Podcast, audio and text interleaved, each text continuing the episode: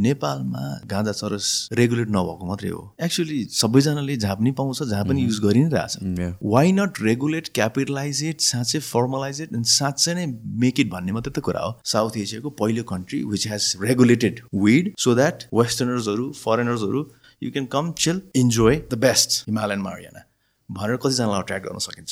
यो रेगुलेट हुन्छ कि हुँदैन लिगलाइज हुन्छ कि हुँदैन भन्ने कुरामा कति कन्फिडेन्ट हुन्छ। सुनर लेटरको कुरा हो कि सुनर र लेटर मात्रै हो हुन त हन्ड्रेड पर्सेन्ट हुन्छ। The only thing is that कसले एट लिने भन्ने कुरा हो। हामी किन चाहिँ यो सुन तस्करीको बारेमा चाहिँ जतिखेर पनि न्युज बनाइरहेको छौँ मान्छे समातेर बसिरहेको छौँ यार। नेपालमा मानौँ कि जेरो पर्सेन्ट ट्याक्स अन सुन। जस्ट इमेजिन इन्डियनहरूको बिहे भयो भने कहाँ जान्थ्यो होला यहाँ टन्न सुन किनेर टक्क ज्वेलरीहरू किनेर यो त साँच्चै नै भने त ज्वेलरी हब हुन्छ साउथ एसियाको। को दुबई गइरहेको छ त्यत्रो टाढो? को हङकङ गइरहेको छ त्यत्रो टाढो? नेपाल सट्टै आउँछ यहाँ। अहिलेसम्म सुनको भन्सारबाट नेपालले उठाएको भनेको वर्षको चार अरब होला सायद। त्यस्तै जस्तो लाग्छ मलाई डेटा। चार अरब भने ठुलो कुरै होइन देशको लागि। तर यदि त्यो चार अरब गुमाएर हामीले साँच्चै नै जेरो पर्सेन्ट ट्याक्स गरिदिने सुनमा भने नि चार सय अरब कमाइन्छ क्या हामीले। नेपालको एयरपोर्ट इन्डियन बाहेक कसरी चलाउन सक्दैन। बायोलेट्रल सन्धि अनुसार त्यो सिमराको एउटा एयर रुट बाहेक अरू चिज खुल्या छैन। र नेपालले यतिचोटि प्रस्ताव गरिसक्यो इन्डियालाई हामीलाई यता वेस्ट इस्टबाट पनि अरू तिन चारवटा रुटको लागि हामीले यति धेरै निवेदन दिइसक्यौँ। तर इन्डियाले मतलब दिएको छैन। जतिसुकै रोए कराए पनि इन्डियालाई खुसी पार्न नसकुन्जेलसम्म हुनेवाला छैन र हामीले खुसी पार्न सकिँदैन। कसले पार्न सक्छ? अदानीले पार्न सक्छ। जियोमारले पार्न सक्छ भने you know it could be win win situation र म पोजिटिभ पनि छु तर एकदम एट द सेम टाइम मलाई अलिकति डर के लागेको छ भने हाम्रो देश एकदमै इन्स्टेबिलिटी छ।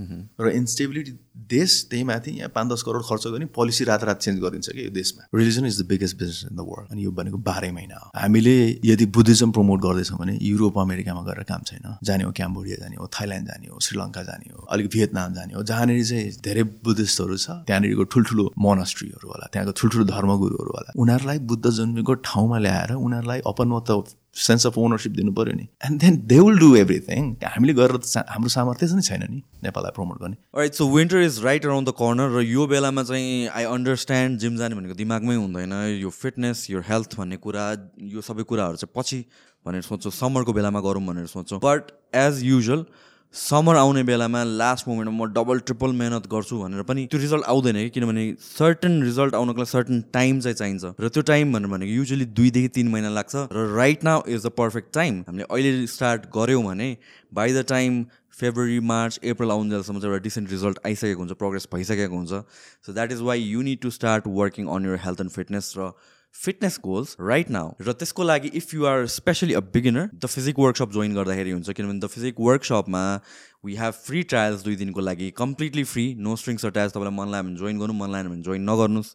But you can try it out थुप्रै ट्रेनर्सहरू हुनुहुन्छ त्यहाँ ट्रेनरहरूले तपाईँलाई कस्टमाइज वर्कआउट र कस्टमाइज डायट प्लान तपाईँको गोलको लागि भनेर डिजाइन गरेर दिनुहुन्छ। एन्ड त्यो अनुसारले ट्रेन पनि गर्नुहुन्छ and it's a very friendly environment as well र फिजिक वर्कसपको चारवटा ब्रान्चेस छ। महाराजगञ्जमा मैदेवीमा कुमारी पार्टीमा र बानेश्वरमा। सो तपाईँलाई जहाँ सजिलो पर्छ त्यहाँ जानुहोस्। फ्री ट्रायल्स डिस्काउन्ट्सहरू पनि छ। डोन्ट फर्गेट द्याट अहिले स्पेसिफिकली यो सर्ट टाइमको लागि डिस्काउन्टहरू छ। यहाँ दिइरहेको गिभन नम्बर्समा तपाईँले कल गरेर बुझ्नुभयो भने एन्ड केही नभए पनि ट्रायलको लागि जानुभयो भने दुई दिनको लागि then you can make up your mind then you can see if you can join र best thing is with one membership तपाईँले चारवटै ब्रान्च भिजिट गर्न सक्नुहुन्छ. So if you're from Maharajgunj join गर्नुभएको छ तपाईँलाई बानेश्वरमा ट्रेन गर्न मन लाग्यो भने पनि you can easily do that because all this gyms are a chain एउटा सबै एउटा टिपिडब्ल्युकै ब्रान्चेस हो. So you can go to any gyms that you like with just one membership anyways the physique workshop चारवटा ठाउँमा location छ Maharajgunj Maitidevi Baneshwar Kumaripati let's get fit so first of all तपाईँको website खोल्ने बित्तिकै मैले यो एउटा वेबसाइटै खोलौँ न। वेबसाइटमै सुरुमा चाहिँ म्यारोना बिलको बारेमा चाहिँ ठ्याक्क क्युआर देखिन्छ। And it's a very interesting topic for me as well मैले थुप्रै इन्टेलेक्चुअल्सदेखि लिएर गेस्टहरूसँग मैले अफ अल फिल्ड यो कन्भर्सेसन चाहिँ राख्छु किनभने चाहिँ I I feel like at this point one पोइन्टमा हामीहरूले बन्द गऱ्यौँ म्यारोना हिस्ट्रीको कुरा हेर्ने हो भने तर this is the time where जहाँबाट बन्द गर्न फोर्स आएको थियो त्यहीँ खुलिसक्यो। अरू कन्ट्रिजहरूमा they are seeing the possibilities and यसको एउटा अब्जेक्टिभ एनालिसिस गर्नलाई चाहिँ एउटा डिस्कसन गर्नलाई चाहिँ जरुरी छ minus the whatever the taboo we have in our society त्यसको प्रोज एन्ड कन्सको कुराहरू। एन्ड सिन्स तपाईँले एउटा बिल नै प्रेजेन्ट गर्नुभएको एउटा केस स्टडी नै प्रेजेन्ट गर्नुभएको छ I wanted to know your stands on it I mean most पिपलसँग कुरा गर्दाखेरि it's either hundred percent for it or hundred percent against kind of कुरा हुन्छ। तर I kind of believe that यसको positive side effects positive इफेक्ट्सहरू पनि थुप्रै छन्। त एट द सेम टाइम्स यसको मेबी डाउन साइड्सहरू के होला भने त्यो पनि एड्रेस गर्नलाई जरुरी छ। वाट यु थिङ्क अबाउट यो होल केसमा चाहिँ? सो हामीले पहिलादेखि नै हाम्रो अभियानै रेगुलेट नियमन गर्नुपर्छ यसलाई। सो स्टेप बाई स्टेप गर्नुपर्छ होइन। सो हामीले हामी we are big advocate of tourism in Nepal हाम्रो प्रस प्रस्पेक्टमा चाहिँ हाम्रो बुझाइअनुसार चाहिँ नेपालमा प्रस्पेरिटी ल्याउनको लागि tourism is the ideal product so टुरिज्मको हामीले अध्ययन गरेको हिस्ट्री हेऱ्यौँ। कसरी टुरिज्म सुरु भएर रहेछ नेपालमा? कहिले सुरु भएर रहेछ नाइन्टिन फिफ्टिज सिक्सटिजको कुरा गरौँ। त्यतिखेर टुरिस्टलाई अट्र्याक्ट गर्ने नै के रहेछ? हाम्रो नेपालको गाँजा चरस। त्यसले गर्दाखेरि साउथ एसियाको पहिलो क्याफे कल्चर गेस्ट हाउसदेखि हरेक चिजहरू कसले सुरु गरे रहेछ यो हेप्पी ट्रेल कल्चरले गाँजा चरसले सुरु गरे रहेछ so definitely there were cases होइन? हजारजना टुरिस्ट आउँदाखेरि एक दुईजना त बर्बाद भइ नै हाल्छ त्यसै पनि। त्यो एक दुईजनालाई मात्रै हेर्ने कि हामीले नाइन हन्ड्रेड नाइन्टी एटलाई हेर्ने हो त्यसमा हामी फोकस गर्नु जरुरी छ। सो जे चिजलाई पनि हामीले क्यापिटलाइज गऱ्यौँ भने त्योबाट हामीले फाइदा लिन सकिन्छ। गाँजा चरस सुरुवात भएको इस्टर्न सभ्यताबाट हो। हिमालयनबाट भन्छ बेसिकली हाम्रो बेल्टबाट सुरु भएको। अहिले संसारभरि one of the most lucrative business भइसक्यो। अब पनि हामीले ढिलाइ गर्ने भयो भने त हामी पछिको पछि पऱ्यौँ हामीसँग युएसपी छ युनिक सेलिङ पोइन्ट छ यसको हिस्ट्री जोडिएको छ। Plus at the same time अहिले मेडिकल मेडिसिनल मारियानाको मार्केट सेयरै ट्वेन्टी बिलियन प्लस भइसकेको छ। रिक्रिएसनको आफ्नै छ इन्डस्ट्रियल मारियानाको आफ्नै छ। अझ हामीसँग एउटा नयाँ प्रडक्ट छ आयुर्वेदिक मारियाना भनेर। सो पहिला सुरुमा हामीले बुझ्नु जरुरी छ कि रेगुलेसन भने के हो? यो एग्रिकल्चर प्रडक्ट हो नि त पहिला सुरुमा त होइन? यसलाई त हामीले चाहिँ एग्रिकल्चरल रूपमा उत्पादन गर्छौँ। त्यस पछाडि मात्रै यसको कन्ज्युमेबल प्रडक्ट्स बनाउँछौँ क्या र यो कन्ज्युमेबल प्रडक्ट्सलाई पनि को कसले कन्ज्युम गर्न पाउने कसरी कन्ज्युम गर्न पाउने र कसरी चाहिँ यसलाई क्यापिटलाइज गरेर कसरी रेभेन्यू जेनेरेट गर्ने। त्यो कुरामा हामी क्लियर भयौँ भने सब कुरा बुझिन्छ। नत्र भने त डेफिनेटली गाजा भनेपछि तान्ने मात्रै सम्झ्यो भने त नसाको रूपमा मात्रै सम्झ्यो भने त नराम्रो तरिकाले हेरे पनि भयो अथवा हेर्छन् पनि मान्छेहरूले। तर सुन जुन हामीहरूको अब एट दिस पोइन्ट ग्लोबली धेरैवटा ठाउँमा ओपन अप भइरहेको छ युएसमै कतिवटा स्टेट्समा मेजोरिटी स्टेट्समा ओपन भइसक्यो। कन्ट्रिज लाइक थाइल्यान्डमा ओपन भएको छ। म पनि रिसेन्टली भिजिट गरेको थिएँ अनि त्यसपछि फोर इयर्स अगाडि भिजिट गरेको र अहिले भिजिट गरेको थाइल्यान्ड इट्स कम्प्लिटली डिफ्रेन्ट होइन? So when we talk about म्यारोवानाको legalisation नेपालको केसमा अनि जुन हामीहरू भन्छौँ कि नेपालको स्टिल मार्केट छ यो फेरि भोलि गएर एयरपोर्ट जस्तो होला कि भन्ने पनि एउटा डर आउँछ at at the same time कि वी इन्भेस्ट इन इट अनि त्यसपछि हामीले ओपन अप गऱ्यो तर पछि वी रियलाइज कि मार्केट नै छैन भनेर। सो त्यो जुन वान पोइन्टमा हाम्रो युनिक सेलिङ पोइन्ट थियो जुन बेला हाम्रो ब्रान्ड नेम थियो त्यो अहिले if we start are art we too late to compete in the global market कि we still have that presence अहिले पनि हामीसँग अझै अप्पर ह्यान्डै छ। जस्तै साउथ एसियाको हामी पहिलो कन्ट्री टु प्रपरली रेगुलेट हुनु त अब अस्ति भर्खर भुटानले पनि घोषणा गरिसकेको छ तर अझै त्यहाँनिर there are so many provisions and everything but south एसियाको फर्स्ट हामी चाहिँ मेडिसिनल मार मारियाना र इन्डियामा पनि छ सातवटा स्टेटमा अहिले पनि आयुर्वेदिक रूपमा दिन्छ अहिले पनि। ओके फार्मिङ गर्न दिन्छ। सो नेपालको हकमा हामीले यदि इन्डस्ट्रियल मारियाना जसबाट फ्या फेब्रिक्स बन्छ फाइबर बन्छ कस्मेटिक्स बन्छ हरेक चिजहरू बन्छ यो चिजलाई हामीले पहिला सुरु चिन्न जरुरी छ बज्नु बुझ्नु जरुरी छ। अनि हाम्रो रिसर्चले के भन्यो भन्दाखेरि पहिला सुरुमा पहिला सुरुमा के बुझ्नुपर्छ? गाँजाको उत्पादन कृषिमा। कृषिलाई नै पहिला सुरुमा वर्गीकरण गर्नुपर्छ। के को लागि गाँजा खेती गर्दैछ उसले? उसले नसाको रूपमा मेडिसिनको रूपमा आयुर्वेदिकको रूपमा या औद्योगिकको रूपमा? चारवटा मध्ये के गर्न चाहेको? हो त्यो पहिचान गरेर उसलाई त्यसको लाइसेन्स दिनुपर्छ। किनभने यसको बिउ पनि फरक छ। ओके यसको उत्पादन गर्ने तरिका पनि फरक छ। मेडिसिनल मारियाना भनेपछि ल्याबमा मात्रै ग्रो हुन्छ है। किनभने उसको सबै चिज एक एक किसिमको हुनुपर्छ। मेडिसिनको लागि मारियाना उत्पादन गर्दैछ भने भोलिपल्ट टिएससी लेभल सिबिडी लेभलकै कुरा गरौँ एकरूपता हुनुपर्छ। ती त्यति नै लाइट पुग्नुपर्छ उसलाई त्यति नै तापक्रम पुग्नुपर्छ त्यति नै हावा चाहिन्छ होइन? उसको सबै टेक्स टेक्स्चर सेप साइज सबै कुरा मिल्नुपर्छ। औद्योगिकको लागि त्यस्तो साह्रो ऊ छैन। नामै weed. It grows on its own basically सबैभन्दा लो मेने मेन्टेनेन्स भएको कृषि उत्पादन किरा फट्याङ्ग्रा केही पनि नलाग्ने basically so all this things are that पहिला सुरुमा कृषिमा हामीले रेगुलेट गर्नुपर्छ. लाइसेन्स वर्गीकरण गर्नुपर्छ. त्यो अनुसार उत्पादन गर्नु पाउनुपर्छ. कृषि उत्पादन गरिसकेपछि जस्तै अहिले हामीले पनि कुरा गरौँ सुर्ती खेती कसैले गर्छ? उसैले चुरोट त बनाउँदैन नि। चुरोट बनाउने लाइसेन्स फाल्टालाई दिनुपर्छ। त्यसको प्रक्रिया फरक हुन्छ। किनभने त्यो चुरोट बनाउँदाखेरि उसले के गर्छ? टोब्याकोको कति कन्सन्ट्रेसन कति रहेछ त्यो हेर्छ उसले निकोटिनको कन्सन्ट्रेसन हेर्छ प्याकेजिङमा उसले फोकस गर्छ चाहिँ रेगुलेसन रेगुलेटरी बडीहरूसँग कम्प्लाई गर्न सक्छ। किनभने उसँग त्यो किसिमको प्लान्ट हुन्छ दुनियाँ चिज हुन्छ त्यसरी रोजगारी सृजना गर्छ र फर्मल ग्रिडमा बस्छ बेसिकली सो चुरोट बनाउने हो भने त्यस किसिमको लाइसेन्स हुनु पऱ्यो मेडिसिन बनाउने हो भने त्यो किसिमको लाइसेन्स हुनु पऱ्यो क्रिम पेस्ट बनाउने भने त्यो किसिमको लाइसेन्स हुनु पऱ्यो कपडाको लागि भने त्यस्तो किसिमको लाइसेन्स हुनु पऱ्यो पेपर बनाउँदैछ कस्मेटिक्स बनाउँदैछ भने त्यो किसिमको लाइसेन्स हुनु पऱ्यो कस्मेटिक्स बनाउनेले त मेडिसिनको लाइसेन्स लिएर त काम छैन। त्यो बुझ्नु पऱ्यो थर्ड स्टेज भनेको डिस्ट्रिब्युसन भन्छ। डिस्ट्रिब्युसन जस्तै मेडिसिन अहिले कहाँ मात्रै बेच्नु पाउँछ? कपडा पसलमा त मेडिसिन किन्नु पाइँदैन। फार्मेसीमा मात्रै पाइन्छ। भनेपछि फार्मेसीले मात्रै मेडिसिन बेच्न पायो। आयुर्वेदिकको लागि हाम्रो आयुर्वेदिक जुन हाम्रो ऊ छ त्यो अनुसार त्यहाँनिर मात्रै बेच्न पायो अथवा फार्मेसीमा बेच्न पायो। रिक्रिएसनल प्रब्लली फार्मेसीमा मात्रै बेच्न पायो जसरी चाहिँ अमेरिकामा पहिला सुरुमा हामी जाँदाखेरि प्रिस्क्रिप्सन बेगर खान पाउँदैन थियो कि। राइट होइन प्रिस्क्रिप्सन खासै त्यो धेरै ठुलो कुरा त होइन तर प्रिस्क्रिप्सन भनेर एउटा एउटा थियो त्यो। त्यसरी मात्रै गर्नु पायो।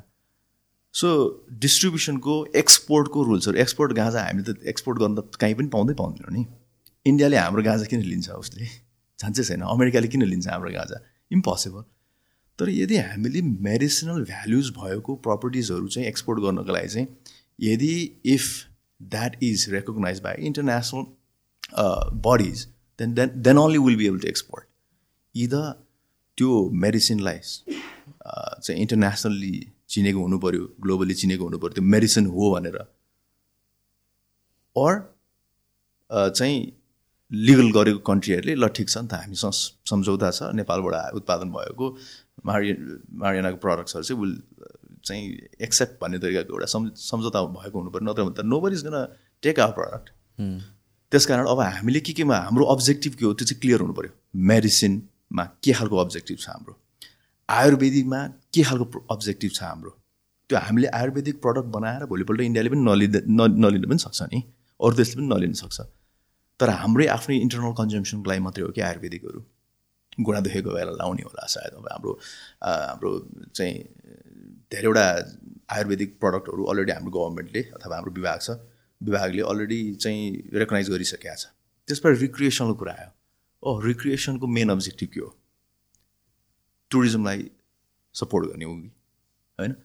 साउथ एसियाको पहिलो country which has regulated weed marijuana so that वेस्टर्नर्सहरू फरेनर्सहरू you can come chill enjoy the the best Himalayan marijuana भनेर कतिजनालाई अट्र्याक्ट गर्न सकिन्छ।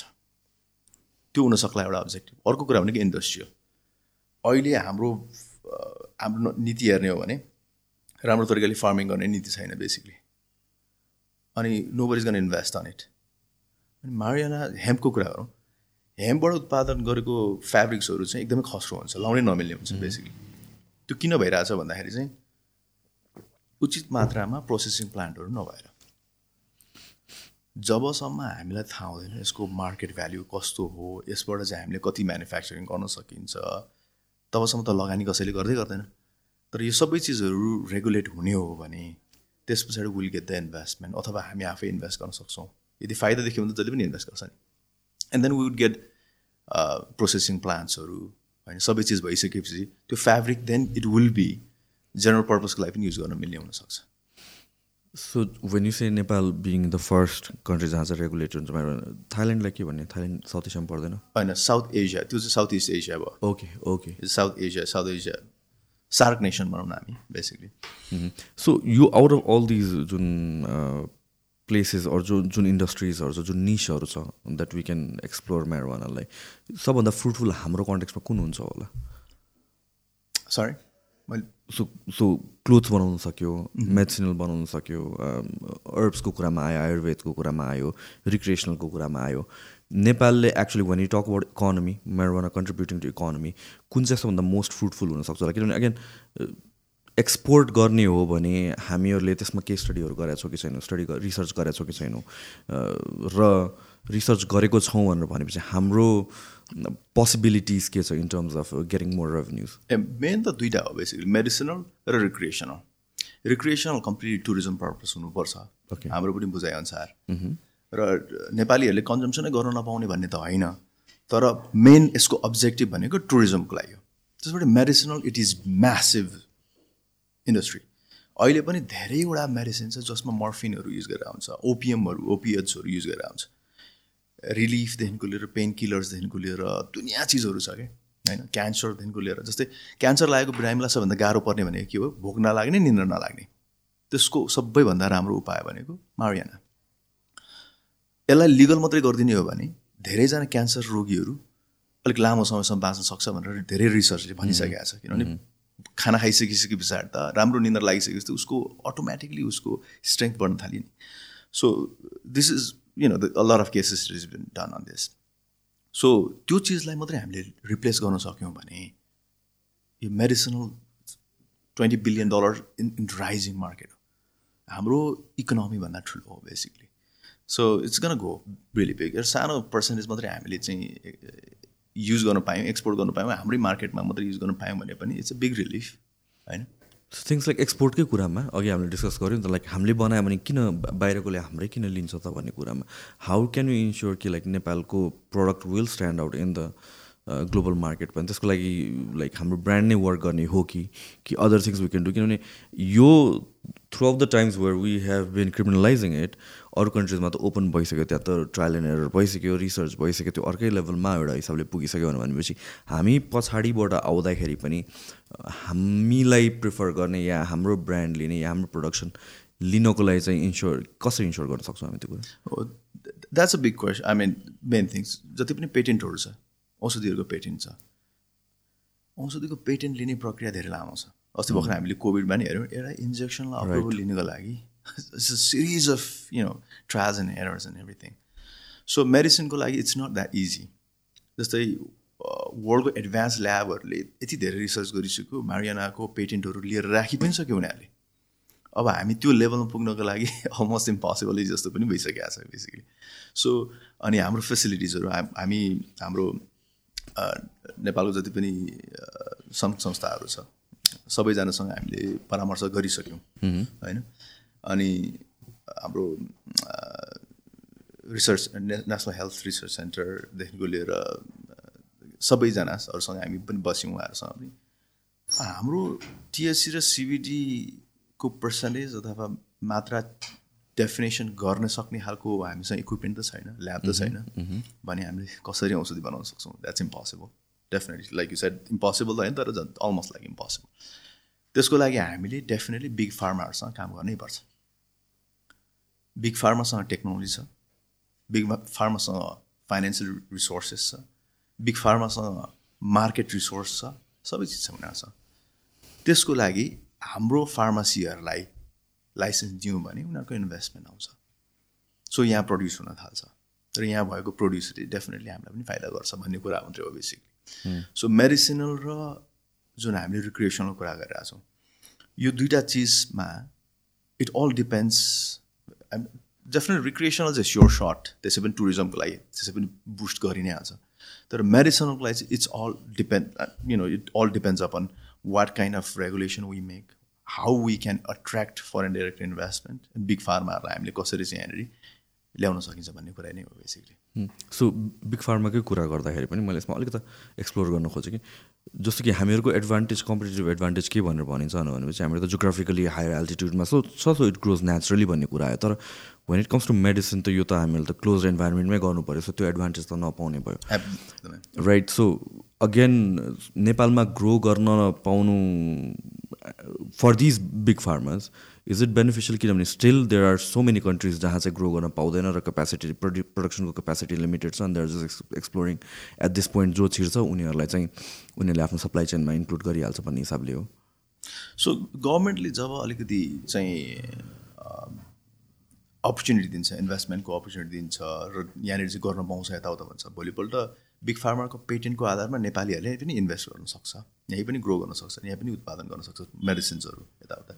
So that is one opportunity create हुनसक्छ त्यसले। Plus it's a big money भोलिपल्ट दुई चार बिलियन डलरको मेडिसिनमा हामीले उत्पादन गर्न सक्यौँ भने द्याट्स अ बिग के अरे ऊ भयो विन भयो फर नेपाल भन्ने कुरा। तर definitely is not sure shot tourism is hundred percent sure shot one percent हुनसक्छ टेन पर्सेन्ट हुनसक्छ हन्ड्रेड पर्सेन्ट हुनसक्छ थाउजन्ड पर्सेन्ट हुनसक्छ कन्ट्रिब्युसन त्यो it all depends how we make the policy अनि how we can capitalise that अनि no I agree on medicinal कन्टेक्समा पनि. I mean अहिले जुन हिसाबले ग्रो भइरहेको छ सिबिडी ओइल जसरी जुन हिसाबले युज भइरहेको छ या भन्छ अरू प्रडक्ट्सहरू पनि होला अहिले जुन लेभलमा हुनुपर्ने त्यो छैन होला। तर वान पोइन्टमा फाइभ इयर्स टेन इयर्स आउँदा लाइन त डिमान्ड बढ्छ नेपालमा पनि डिमान्ड बढ्छ होला। त्यो हामीले डोमेस्टिकली नै फुलफिल गर्न सक्यौँ भने पनि we won't have to import absolutely होइन? त्यो पनि saving money is actually earning money त भयो नि त एउटा हिसाबले त। र when it comes to recreational पर्पजको कुरा आउँदाखेरि जहिले पनि क्वेसनमा आउने भनेको चाहिँ अगेन लाइक यहाँ हाम्रो सोसाइटीलाई या कल्चरलाई सोसाइटी कल्चर भन्दा पनि पिपललाई ल। भनौँ न युथहरूलाई ब्याकफायर गर्छ कि भन्ने कुरा चाहिँ हो। जस्तो कि अब हामीले थाइल्यान्डमा पनि रिसेन्टली अब रिकन्सिडरेसनहरू भइरहेछ। यसलाई यो this is going to be a big issue र एउटा हिसाबले भइ पनि सक्यो भन्ने हिसाबले पनि कुराहरू आइरहेको छ। सो त्यसमा चाहिँ how can we do it the right way from the start कि आई मिन गर्ने नै यसरी हो कि we try it out and then we amend all the policies हामीले हाम्रो केस स्टडीले पहिला पनि हामीले भनिरहेको थियौँ थाइल्यान्डको जस्तो हुनु हुँदैन। हाफाजर्डली त्यत्तिकै लिगलाइज गर्नु हुँदैन। त्यही भएर हामीले रेगुलेट गर्नुपर्छ भन्छौँ। सो सो एकछिन सो थाइल्यान्डमा छ चाहिँ के? कसरी छ? There is no law so अहिलेको हेल्थ मिनिस्टरले त्यतिखेर पोलिटिकल क्याम्पेन चलाएको। र अहिलेको किङ मेकर हो बेसिकली त्यहाँ government so he introduce it and half हजारली त्यो त्यो अनुसारले every third shop is dispensary या बाटोमा बेचिरहेछ या सम सम वेमा त्यो भइरहेछ त्यहाँ। अब त्यो सेचुरेसनमा गएर भोलिपल्ट त्यसले चाहिँ डिजास्टर पनि ल्याउन सक्ला। किनभने हामीले हाई होप दिनु हुँदैन। हाम्रो बुझाइ चाहिँ के हो भन्दाखेरि पहिला सुरुमा चाहिँ युथहरूलाई एग्रिकल्चरमा ल्याउन सक्ने सबैभन्दा राम्रो क्रप्समा मारियाना पर्छ। But at the same time हामी नै प्रड्युसर हामी नै कन्ज्युमर चाहिँ हुनु हुँदैन यसको। यसलाई हामीले राम्रो तरिकाले रेगुलेट गरेर हामीले बुझ्नुपर्छ कसैले मारियाना फार्मिङ गर्दैछ भने what exactly is the objective of this farming पहिलासम्म clear हुनुपर्छ यसमा क्ल्यारिटी हुनुपर्छ पहिला सुरुमा मैले यसरी टुरिस्ट ल्याउँदैछु अथवा मैले यसरी यो उत्पादन गरेर यसरी रेभेन्यू जेनेरेट गर्दैछु भन्ने तरिकाको उसले राम्रो तरिकाले क्लियर दिनु पऱ्यो नि लाइसेन्स पाउनु पऱ्यो उसले।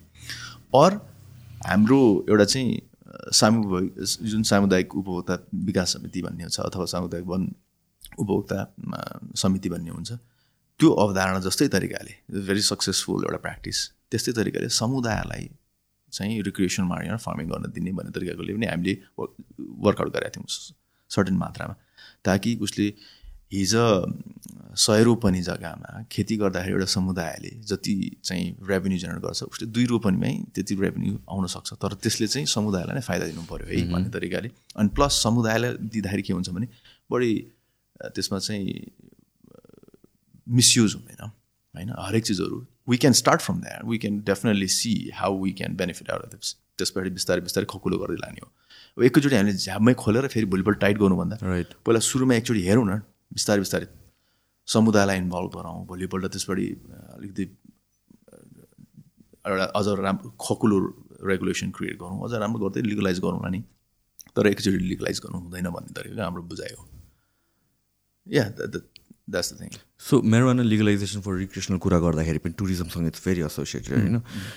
नाउ थाइल्यान्डको केसमा it works in their favour now सोसाइटीमा अब कस्तो भइरहेछ त्यो एकछिन साइडमा राखौँ होइन?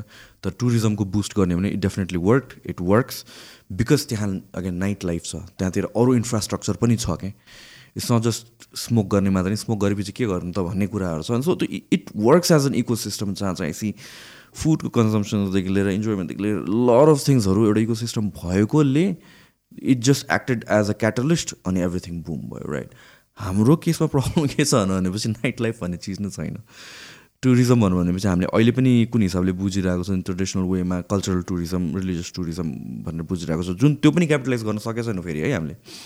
त this new wave of tourism that we are talking about जुन चाहिँ मोर मोडर्न क्राउडहरू आउँछ जुन जुन यङ पिपलहरू आउँछ then where people would spend lot of money त्यसको लागि त हाम्रो इन्फ्रास्ट्रक्चर नै रेडी भएको छैन। सो दिस लुक्स लाइक एकदमै पछिको कुरा हो कि कि there so many works to be done जस्तो फिल हुन्छ क्या टाइम्स आई थिङ्क नेपालमा साउथ एसियाको one of the best night life छ मेरो बुझाइअनुसार। नेपालको जस्तो ठमेलको जस्तो दुई तिनवटा क्लब जस्तो होल साउथ एसियामै छैन। बङ्गलादेशमा त रक्सी नै ब्यान्ड छ पाकिस्तानमा रक्सी नै ब्यान्ड छ इन्डियाको कतिवटा स्टेटमा रक्सी ब्यान्ड छ। अनि त्यहाँनिर साँच्चै नै क्लबै छैन कम्पेरिटिभली काठमाडौँ जस्तो क्लब नाइट लाइफ मजाको छ बजीसम्म पार्टी सात बजीसम्म पार्टी छैन बेसिकली अर्को कुरा नेपालमा I think we are more safe होइन?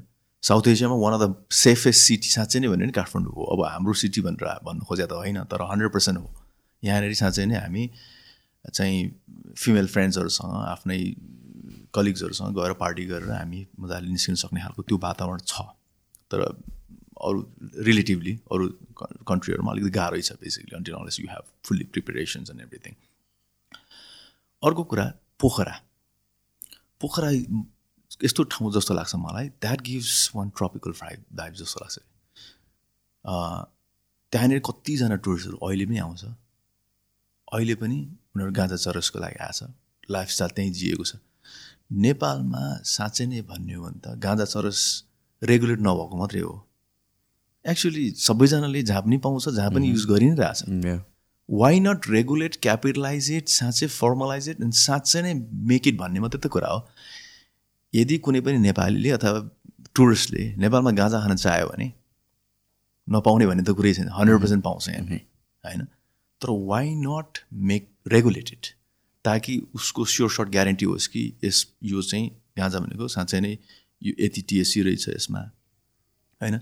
यति कडा रहेछ भनेर थाहा पाओस् र ट्याक्स पनि तिरोस् न त्यसमा। अनि ऊ साँच्चै नै नेपाल आउँदाखेरि अँ मैले गाँजा जाँदाखेरि मलाई पुलिसले समात्ने हो कि भन्ने त्यो मेन्टल टेन्सनबाट पनि ऊ होस्।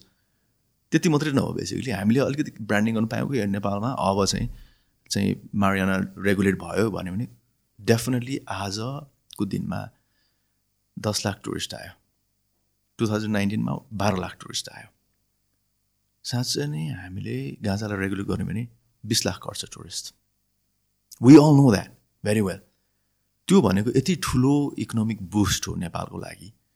त्यसको लागि हामी हेजिटेन्ट छौँ क्या किन हेजिटेन्ट छौँ? कसरी हेजिटेन्ट छौँ भने यो अलिकति हाम्रो त्यो एउटा अलिकति के भन्छ त्यो टबु भनौँ न अलिकति त्यो सङ्कुचित मानसिकता भन्छ नि।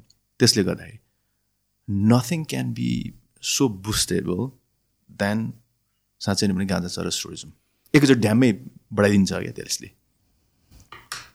So I see like couple of नम्बर्समा तपाईँले वर्क गर्नुभएको छ यहाँको इकोनोमी कत्रो क्यापेसिटी छ इन टर्म्स अफ मेहरबानाको कुरामा पोटेन्सियल भनौँ न या एब्सोल्युट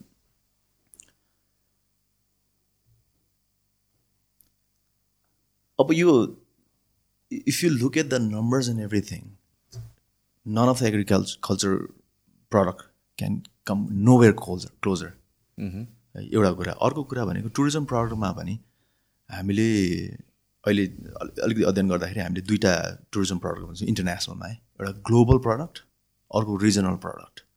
ग्लोबल प्रडक्ट प्रडक्टमा चाहिँ अलिकति एभरेस्ट जान्छ। एभरेस्ट भने संसारले चिन्छ यताउता भन्छ। तर रिजनलमा अहिले हामीले आउँदाखेरि south east Asia south Asia एसियाकै मात्रै कुरा गर्दाखेरि Buddha and then we can come with casino we can come with night life and definitely marijuana अहिले हाम्रो जुन तरिकाले टुरिस्टहरूले स्पेन्डिङ गरिरहेको छ नि that's one of the lowest in the world त्यसलाई बढाउनु छ भने we have to sell good times or we have to sell religion. Religion is the biggest business in the world. अनि यो भनेको बाह्रै महिना हो south east Asia per capita wise हामीभन्दा धेरै अगाडि छ। उनीहरू भनेको प्लेनबाट आउने टुरिस्टहरू हो। सो प्लेनबाट आउने टुरिस्टहरूलाई हामीले फोकस गरेनौँ भने किनभने हामी त ल्यान्डलक कन्ट्री हो। ल्यान्डलक कन्ट्रीले चाहिँ हामीले फोकस प्लेनबाट आउने टुरिस्टहरूलाई गर्न सक्यौँ भने राम्रो तरिकाले ल्याउन सक्यौँ भने हाम्रो इकोनोमी त्यसै राम्रो हुन्छ। अनि रिजनल टुरिज्म र ग्लोबल टुरिज्म हामीले चिन्नु पऱ्यो कुन चाहिँ हाम्रो मार्केट कुन चाहिँ हो भनेर र त्यसको लागि कुन कुन प्रडक्ट कहाँ कहाँ ट्राई टु सेल यो चिज हामी क्लियर त हुनु पऱ्यो नि। हाम्रो नाइट लाइफ अमेरिकनलाई बेचेर अथवा प्रमोट गरेर चान्स छैन। युरोपियनलाई प्रमोट गरेर चान्स छैन।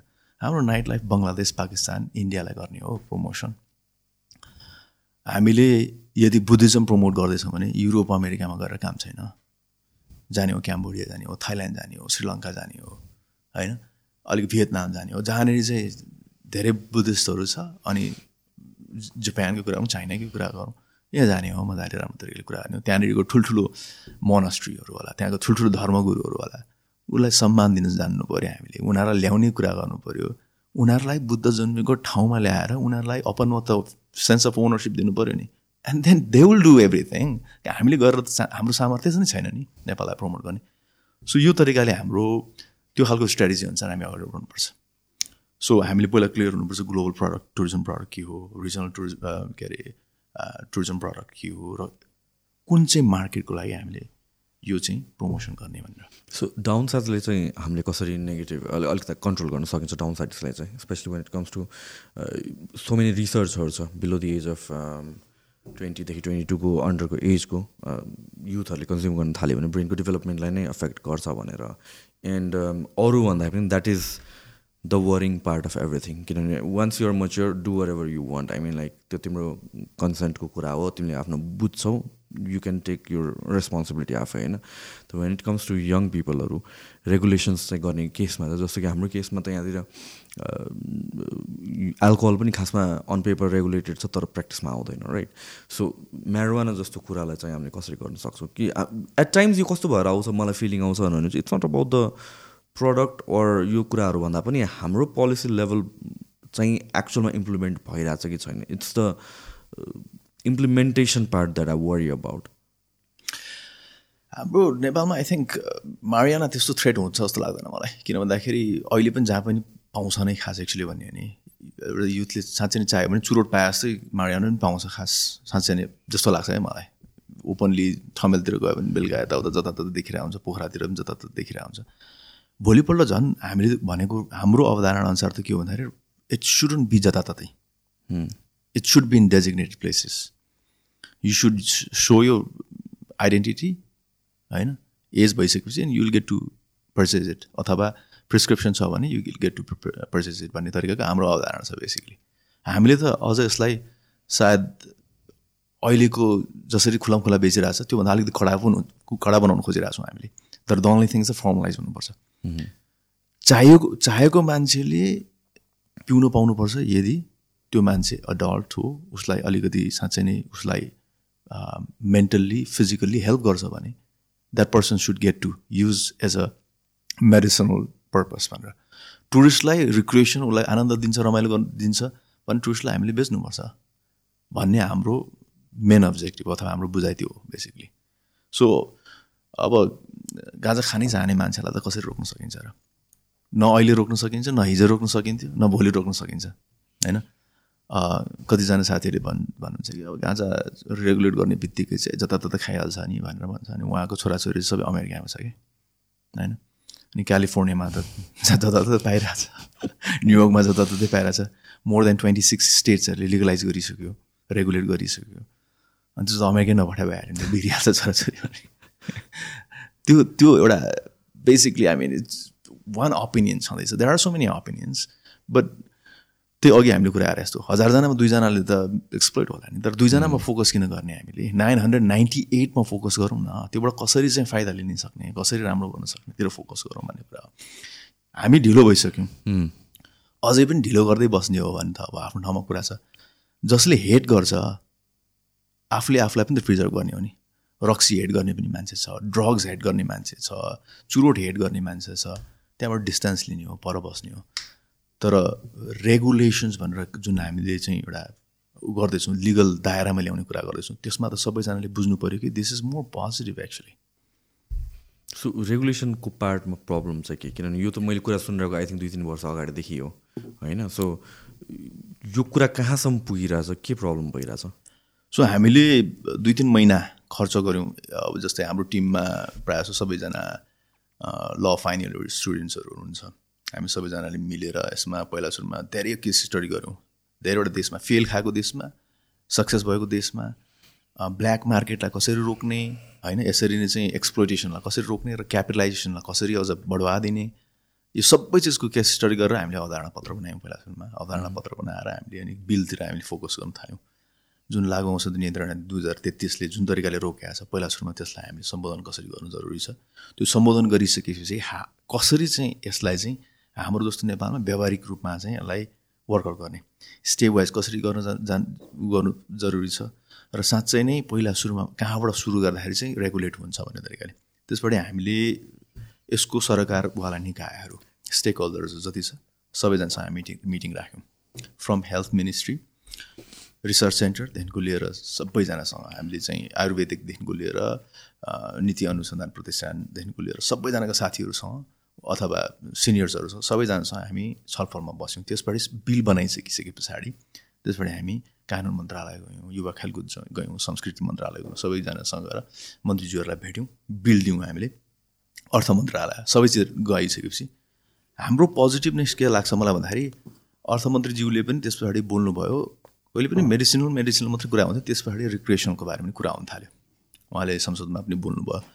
हामीलाई के लाग्छ भने हामीले यदि अस्ति चुनाव जितायो भए हामी संसदमा सबै सांसदहरूलाई अझै पढाइदिन्थ्यौँ अझै बुझाइदिन्थ्यौँ। चुनाव नजित्दाखेरि चाहिँ के हुँदो रहेछ भन्दा मिडियाले पनि खासै मतलब राख्दैन। चुनाव जितायो भए चाहिँ यो केस अझै स्ट्रङ बनाउँथ्यौँ। राम्रो तरिकाले। मा मान्छेलाई बुझाउँथ्यौँ खास एक्चुली हामीले गर्नु खोजेको चाहिँ रेगुलेट हो है। Legalize and regulate is totally different things र पहिला सुरुमा रेगुलेट गरेर हेरौँ। त्यसबाट हामी कहाँ पुगिँदो रहेछ कति फाइदा लिन सकिन्छ त्यस पछाडि हामी हेर्दैछौँ कसरी चाहिँ यसलाई अगाडि बढाउन सक्छौँ भनेर बेसिकली सो अहिलेको उसमा चाहिँ हामी वेट एन्ड सी दुईचोटि फलोअप गरिसकेँ मैले मन्त्रीज्यूहरूलाई पनि अनि आफ आफ्नै कार्यव्यवस्था पनि भइहाल्छ यताउता। अनि सो अहिले हेर्दैछौँ के कुन तरिकाले अगाडि बढ्ने भनेर अहिले सो इन टर्म्स अफ यो रेगुलेट हुन्छ कि हुँदैन लिगलाइज हुन्छ कि हुँदैन भन्ने कुरामा कति कन्फिडेन्ट हुन्छ सुनर लेटरको कुरा हो कि हो सुनर डिबेट छ त्यो सुनर र लेटर मात्रै हो हुन त हन्ड्रेड पर्सेन्ट हुन्छ the only thing is that कसले एट लिने भन्ने कुरा हो मैले एकजना मन्त्रीज्यूलाई कन्फिडेन्टली भनेको थिएँ तपाईँले यो बिल राम्रो तरिकाले लिएर नेतृत्व गरेर तपाईँले पास गर्नुभयो भने तपाईँको नाम जिन्दगीभर सबैजना सम्झिन्छ किनभने यो यो जतिको ठुलो इकोनोमिक बेनिफिट कसैले कुनै पनि एग्रिकल्चर प्रडक्टले नेपालमा दिन सक्दैन अनि टुरिज्ममा सबैले नजरअन्दाज गरिरहेछ टुरिज्मको लागि यो जतिको बवाल बुम ल्याउन सक्ने कुनै पनि टुरिज्म प्रडक्ट छैन। सो हिचकिचाट कहाँ छ? आई मिन यो नबुझेर हो कि स्टिल यो यहाँभित्र इन्टरनल नै हामीहरू ट्याबुको हिसाबले भएर कोही पनि अगेन्स्ट द ग्रिन जान नखोज्या हो कि इन्टरनेसनल प्रेसरहरू छ कि? प्रायोरिटी अब इन्टरनेसनल प्रा प्रेसर्सहरू यताउता पोलिटिकल प्रेसर आफ्नो ठाउँमा तर इट्स अल अबाउट प्रायोरिटी अनि यदि कसैले अगाडि बढाउन चाहनुहुन्छ भने त उहाँले बोल्नुहुन्थ्यो होला। राम्रो तरिकाले अलिकति ल्याउनुहुन्थ्यो होला। मैले मन्त्रीजीहरूसँग भेट्दाखेरि उहाँहरूको अलिकति बडी ल्याङ्ग्वेजेस हेर्दाखेरि ओहो खेल आयो श्रीले भन्ने तरिकाको पनि देखेँ मैले। मैले के फिल गरेँ भन्दाखेरि उहाँहरूले यो प्रडक्ट भने कति गतिलो प्रडक्ट हो हाम्रो देशको लागि। भन्ने तरिकाको मैले त कसैको दिमागमा त हालिदिन सक्दिनँ। त्यो त उहाँहरूले पनि अलिकति चाहिँ अध्ययन गर्नुपर्छ अलिकति एउटा उ चाहिँ दिनुपर्छ अलिकति ओपननेस चाहिँ हुनुपर्छ जस्तो लाग्छ। So you being involve in so many other थिङ्सहरू पोलिटिक्समा छिर्ने चाहिँ कहाँबाट तपाईँले सोच्नुभयो? म actually I been in the political scene for long long time म I grew up in that political एउटा चाहिँ एटमोस्फियर मेरो बुवा पहिला सुनमा गाविस अध्यक्ष हुनुहुन्थ्यो। सो जहिले पनि सर्कल त्यसैमा भएँ म। पछिल्लो समयमा मलाई चाहिँ अब as a film maker film maker भइसकेपछि मलाई एकदमै डकुमेन्ट्री रिसर्च बेस्ड फ्याक्चुअल फिल्महरू बनाउने ठुलो रहर थियो। अनि अब मेरो मास्टर्स पत्रकारिता पत्रकारिता गर्दाखेरि पनि सबैजना साथीहरूसँग यस्तै बारेमा मात्रै कुरा हुन्थ्यो। संविधान निर्माताका मैले दुईवटा क्याम्पेन चलाएँ। एउटा यो देशमा चाहिँ प्रत्यक्ष निर्वाचित कार्यकारी हुनुपर्छ भनेर। किनभने हाम्रो देशको अथवा डेमोक्रेसीमा यदि स्टेबिलिटी हुँदैन भने त्यो डेमोक्रेसी काम छैन। र यदि डेमोक्रेसीमा हामी स्टेबिलिटीदेखिको डराउँछौँ भने हामीले डेमोक्रेसीलाई एक्सेप्ट गरे होइन भन्ने मेरो बुझाइ थियो। त्यसकारण प्रत्यक्ष निर्वाचित कार्यकारीमा पनि रेगुलेसन चाहिन्छ। जो पाएँ त्यही मैले एउटा कम्पनीको सिओ चाहिन्छ भने त्यसको एक्सपिरियन्स हेर्छु त्यसको योग्यता हेर्छु अनि मात्रै त्यसको भिजन त्यसको प्लान एजेन्डा हेर्छु अनि मात्रै त्यसले चाहिँ क्वालिफिकेसनमा दायरामा पर्नुपर्छ भन्ने तरिकाको मेरो पनि बुझाइ थियो। एउटा पपुलिस्ट मान्छे म चाहिँ प्राइम मिनिस्टरको क्यान्डिडेट हुनु पाउँछु भन्दैमा प्रदेश निर्वाचित कार्यकारीको के अरे क्यान्डिडेट हुनु पाउँछु पाउनुपर्छ भन्ने चाहिँ छैन मेरो पनि बुझाइअनुसार। सो त्यो क्याम्पेन चलाएँ मैले त्यतिखेर सँगसँगै त्यतिखेर अब हाम्रो संविधानमा ठुलो बाजिएको कुरा भनेको जनसङ्ख्या र भूगोलको आधारमा रिप्रेजेन्टेसन अब म मेरो म जन्मेको सङ्खुवासभाबाट त्यतिखेर मेरो बुझाइ के थियो भने काठमाडौँमा दसवटा निर्वाचन क्षेत्र छ। मेरो सङ्खुवासभामा एउटा मात्रै निर्वाचन क्षेत्र छ। तराईमा यत्रो यत्रो सानो जिल्लाहरू छ। मेरो जिल्ला यत्रो ठुलो छ। तराईमा तिनवटा चाहिँ प्रत्यक्ष निर्वाचन छ। हाम्रो एउटा मात्रै निर्वाचन प्रत्यक्ष भने चाहिँ सङ्खुवासभा कसरी विकसित हुन्छ? होइन?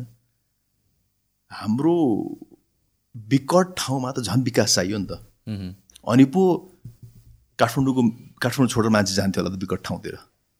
यो संविधान भएन भनेर मैले आन्दोलन गरेँ बेसिकली कतिवटा अन्तर्क्रिया कार्यक्रमहरू गरेँ यताउता गर्ने दुनियाँ चिजहरू कार्यक्रमहरू गरेँ।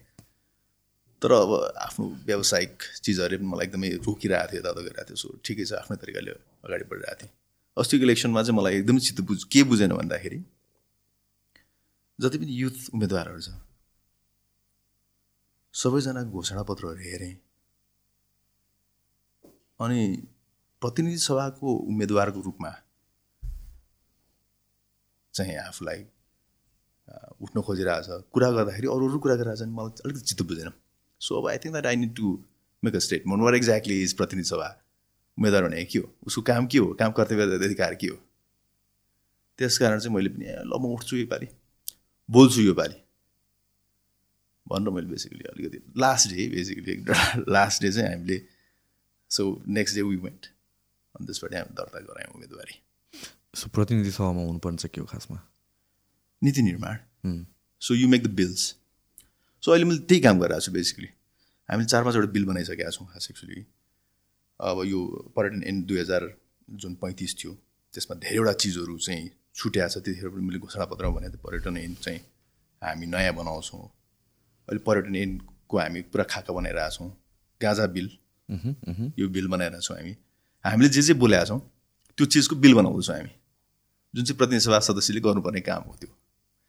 त्यहाँनिर छ समितिहरू छ त्यहाँनिर चाहिँ दुनियाँ चिजहरू छलफलहरू हुन्छ यताउता सरकारलाई ठिक ठाउँमा सरकारलाई यताउता गर्ने भन्छ तर मेन काम भनेको नीति निर्माण होइन? र हाम्रो देशमा धेरै चिजहरू चाहिएको छ कागज रूपमा अथवा नीतिगत रूपमा। हो यो चिजहरूको चाहिँ हामी काम गरिरहेछौँ। So when it comes to नेपालको कन्टेक्समा इकोनोमी बुस्ट गर्ने भनेर भनेपछि like what are the things that we can do especially like जहिले पनि कुरा आउँछ स्टार्टअप्सको कुरा आउँछ या भन्छ चाहिँ म्यानुफ्याक्चरिङ कुरा आउँछ टुरिज्मको कुरा आउँछ हामी लाग्नुपर्ने चाहिँ कतातिर हो?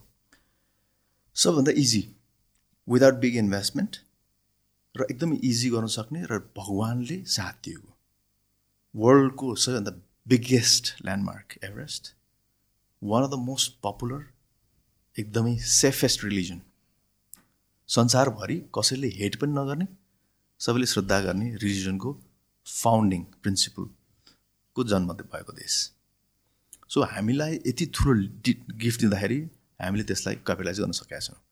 र गाजाकै कुरा गरौँ होइन? टुरिज्ममा गाजाको जुन किसिमको कन्ट्रिब्युसन हुनसक्छ त्यसलाई हामीले सङ्कुचित मानसिकताले मात्रै हेरेका छौँ। It has amazing potential so यो चिजहरूमा हामीले अलिकति फोकस गऱ्यौँ थोरै नीतिगत रूपमा सुधार गऱ्यौँ भने ठुलो कुरै छैन बेसिकली किनभने इकोनोमी यति सानो छ। होइन fourteen bill fourteen fifteen billion डलरको बजेट बन्छ चालिस बयालिस बिलियन डलरको जिडिपी हो। यसलाई ठुलो कुरै छैन क्या बेसिकली होइन? सो त्यसको लागि यो दुई तिनवटा चिजमा मात्रै अलिकति राम्रो तरिकाको पोलिसी बनाउने हो र साँच्चै नै जो चिफ एक्जिक्युटिभ छ उसले साँच्चै जानेर बुझेर त्यो किसिमको काम गर्ने हो भने देश त्यसै कहाँबाट कहाँ पुगिहाल्छ। ठुलो कुरै छैन। So in terms of tourism गर्न सक्ने कुरा के हो त? लाइक अफकोर्स हामीले भन्यौँ बुद्धको जन्मस्थल हो अर नाइट लाइफको कुराहरू गऱ्यौँ। एउटा प्लान वेमा गर्दाखेरि चाहिँ ओभरभ्यू हेर्नु पर्दाखेरि चाहिँ what are the things that we should be doing अब पहिला पहिला सुरुमा हामीले अहिले भर्खर कुरा गऱ्यौँ। जस्तै दुई तिनवटा कुरा जस्तै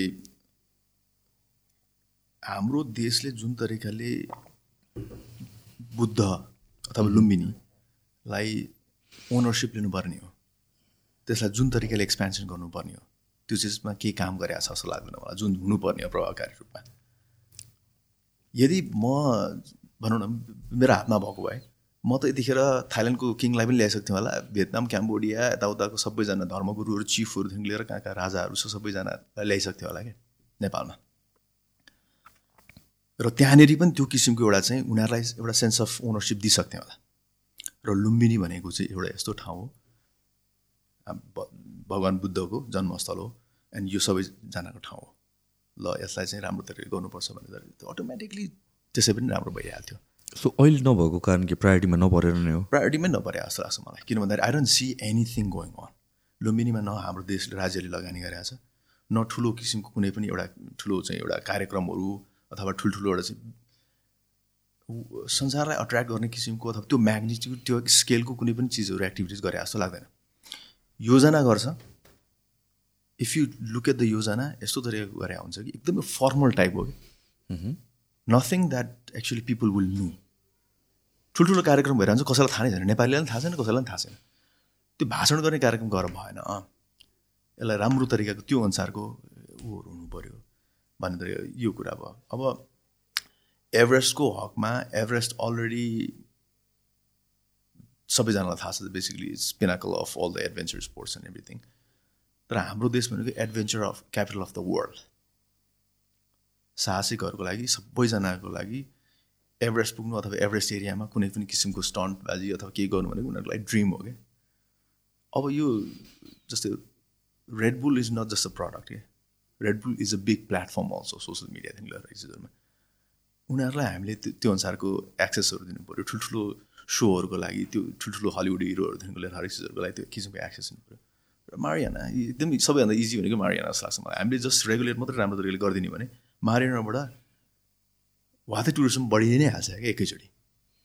इजिली सो त्यो बाहेक अरू टुरिज्महरू पनि जुन छ हामीको जुन ट्रेडिसनली हामी सोच्छौँ मन्दिरहरू भयो जुन हाम्रो कल्चरल साइटहरू भयो डु यु थिङ्क त्यसको अहिले पनि स्कोप छ with the growing age or population जुन जेनेरेसन अहिले खोजिरहेको छ? अफकोर्स थाइल्यान्डको कुरा गर्छौँ या म्यारोनाको कुरा गर्छौँ भने it's a different kind of tourist हामीले हेर्छौँ होइन? जुन हाम्रो रिलिजियस पर्पजले हेर्छौँ it's a different kind of tourist त्यहाँतिर पनि I feel like there is a huge gap अझ गर्न सकिन्छ कि जस्तो लाग्छ मलाई त? हाम्रो इन्फ्रास्ट्रक्चर एकदमै सानो छ कि? जस्तै हाम्रो भक्तपुरै भक्तपुर सबैभन्दा बेस्ट बेसिकली तर भक्तपुरमा infrastructure wise we are very poor हामीले जुन तरिकाले जुन तरिकाले क्यापिटलाइज गर्नु पर्थ्यो भक्तपुरलाई। त्यसको लागि गर्नको लागि हाम्रो वरिपरि भनौँ न इन्टरनेसनल होटल चेन्जहरूदेखिको हरेक चिजहरूको लगानी भएको भए यताउता भएको भए त्यो अनुसारले चाहिँ एकदमै हेरिटेज होटल्सहरू भएको भए। जस्तै भनौँ अहिलेको सबैभन्दा ठुलो ट्राभल एजेन्ट्स भनेको हो त भन्दाखेरि Singapore Airlines Marriott Bonvoy अथवा म्यारिएटको एप सबैभन्दा बढी ट्राभल गर्नेहरूको के हुन्छ? सिङ्गापुर एयरलाइन्सको हुन्छ बुकिङ डट कम हुन्छ म्यारिएटको हुन्छ सबैभन्दा राम्रो एक्सपे स्पेन्डरहरूको कतार एयरवेजको हुन्छ यताउता हुन्छ। त्यो एपमा जब ट्याङ ट्याङ नोटिफिकेसन आउनु थाल्छ नि त्यसको conversion rate is way more higher than we trying to put a poster on a bus or somewhere अस्ति मैले एउटा भिडियो हेरेको थिएँ मलाई एकदम चित्त बुझाएको थियो। थाइल्यान्डको गभर्मेन्टले चाहिँ एउटा एउटा क्याम्पेन ल्याएर आएछ। If you open Thai restaurant in उसको रेगुलेसन अनुसार रहेछ अरू देशमा युल गेट इन्सेन्टिभ क्या it's been going on for quite some time absolutely what a smart idea restaurant जतिको दामी आइडिया के हो रेस्टुरेन्ट मान्छे छिर्छ खाना खान्छ पोस्टर्स देख्छ यताउता देख्छ will know more about this will connect with that त्यो किसिमको हामीले त्यो मात्रै गर्न सक्यौँ भने नि कति बवाल हुन्थ्यो हाम्रो टुरिज्म बोर्डको अराउन्ड एक अरबभन्दा अराउन्ड त्यस्तै त्यस्तै बजेट छ। त्यसमा हामीले फिफ्टी पर्सेन्ट त्यसमा छुट्याइदियो नि हुन्छ जस्तो लाग्छ मलाई। किन भन्दाखेरि हामीले हाम्रो बजेटले अरू केही पनि प्रमोसन नै गर्न सक्दैन विदेशमा। विदेशमा हामीले प्रमोसन गर्दाखेरि हाम्रो कपेसिटी नै छैन। सो यस्तो यस्तो चिजमा राम्रो राखे हुन्छ। एउटा राम्रो रेस्टुरेन्ट दिल्लीको एकदमै राम्रो चोकमा सबैले भिजिबिलिटी भएकोमा मुम्बईकोमा भएको अरे लन्डन न्युयोर्क होइन? संसारको जति पनि राम्रो राम्रो सिटीहरूको मेन मेन चोकमा अथवा राम्रो राम्रो भिजिबिलिटी भएको ठाउँमा नेपाली रेस्टुरेन्ट्सहरू राम्रो तरिकाले आउनु थाल्यो भने त्यो जतिको नेपालको प्रमोसन के होला र? होइन? त्यो किसिमको पनि हामीले सोच्नु सक्नुपर्छ बेसिकली अरू अरू जुन रेस्ट नेपाल रेस्टुरेन्टहरू अलरेडी एक्जिस्ट गर्छ उनीहरूसँग पनि समयमा कोलाबरेटिभ वेमा पनि जान सकिन्छ होला। एकदम? एकदम, संसारभरि कति ठाउँमा त छ नि। त अलरेडी नै डेफिनेटली गाइडलाइन्स बनाउने त्यसको त्यसको बेनिफिट पाउनको लागि के के गर्नुपर्छ? होइन? सो बेसिकली उसलाई पनि भोलिपल्ट फाइनेन्सियली अलिकति सपोर्ट भयो भने उसले पनि अलिकति अझ स्केल अप गर्न सक्छ आफ्नो होइन? देयर सो मेनी थिङ्स अब टुरिज्म चाहिँ सजिलो हो। प्लस हाम्रो देशको सबैभन्दा ठुलो स्ट्रेङ्थ भने टुरिज्म हो। म्यानुफ्याक्चरिङमा जाउँ कम्पिटिसन भोलिपल्ट प्रडक्सन चाहिँ गऱ्यौँ हामीले बेच्न सकेनौँ भने त बर्बाद भयो नि त। लगानी त बर्बाद भयो या त्यो इकोनोमी अफ स्केल रिच गर्नै सक्दैन हामी। अब हामीले जतिखेर पनि हामीले हाइड्रो हाइड्रो हाइड्रो भन्यौँ there is a big investment billions of dollars investment मार्केटको लागि भोलिपल्ट इन्डियाभन्दा अर्को अप्सन छैन छँदै छैन हामीसँग India will be able to control everything किन भन्दाखेरि हामीले ट्रान्समिसन लाइनमा समस्या छ दुनियाँ चिज छ हरेक समस्याहरू छ नि त त्यो हाम्रो कन्ट्रोलमा भएन अझै पनि हो डेफिनेट टुरिज्ममा पनि अहिले पनि हाम्रो मेन भनेको ल्यान्डलक कन्ट्री होइन हामीसँग सी पोर्ट छैन एयरपोर्टमा air route is somehow controlled so यसमा पनि हाम्रो चुनौतीहरू त धेरै नै चिज छ। होमवर्क गर्नुपर्छ तर हामीसँग राम्रो नेगोसिएसन स्किल्स भयो भने देन ठुलो कुरै छैन बेसिकली जस्तै अहिले हामीले निजगढकै कुरा गऱ्यौँ नि। निजगढ जुन तरिकाको जुन अवधारणामा चाहिँ सुरुवात भएको थियो त्यसमा हामीले अस्ति हेरेको थियौँ कन्सेप्ट पेपर्सहरू एभ्रिथिङ हेर्दाखेरि। यो चाहिँ it has to be in boot build own operate transfer मोडलमा PPP अथवा भनौँ चाहिँ प्राइभेट सेक्टर्सहरूसँग अथवा जिटिजी जेसो पनि जिटिजी नभनौँ प्राइभेट सेक्टर्सहरूसँग काम गर्ने भन्ने तरिकाको अवधारणामै सुरु भएको छ। र म जहिले पनि एडभोकेसी त्यही नै गर्छु। हाम्रो देशसँग लगानी पनि छैन। हाम्रो देशसँग टेक्नोलोजी स्किल्स पनि छैन। हाम्रो कर्मचारीहरूसँग त्यो किसिमको एयरपोर्ट चलाउन सक्ने एयरपोर्ट मार्केटिङ गर्न सक्ने इन्टरनेसनल ग्लोबल स्केलको एयरपोर्टहरू म्यानेज गर्न सक्ने हाम्रो कर्मचारीसँग दक्षता क्षमता छैन। र in general I think with when it comes to government bureaucracy त्यहाँ ओनरसिप नै छैन मेन कुरा मोस्ट इम्पोर्टेन्ट थिङ चाहिँ। एकदम। सो हाम्रो अहिलेसम्म हाम्रो के भइदियो भन्दाखेरि पोलिटिक्स पोलिटिसियन्सहरू पनि त्यति भिजनरीहरू देखिएन। र पोलिटिसियन्सहरूले पनि भोटको लागि अथवा पार्टी फाइदा अथवा पैसा फाइदाको लागि जे पनि गरिदिने तरिकाको सिचुएसन भयो। भने चाहिँ हाम्रो लगानी हुनु हुँदैन हामी अलरेडी गरिब देश।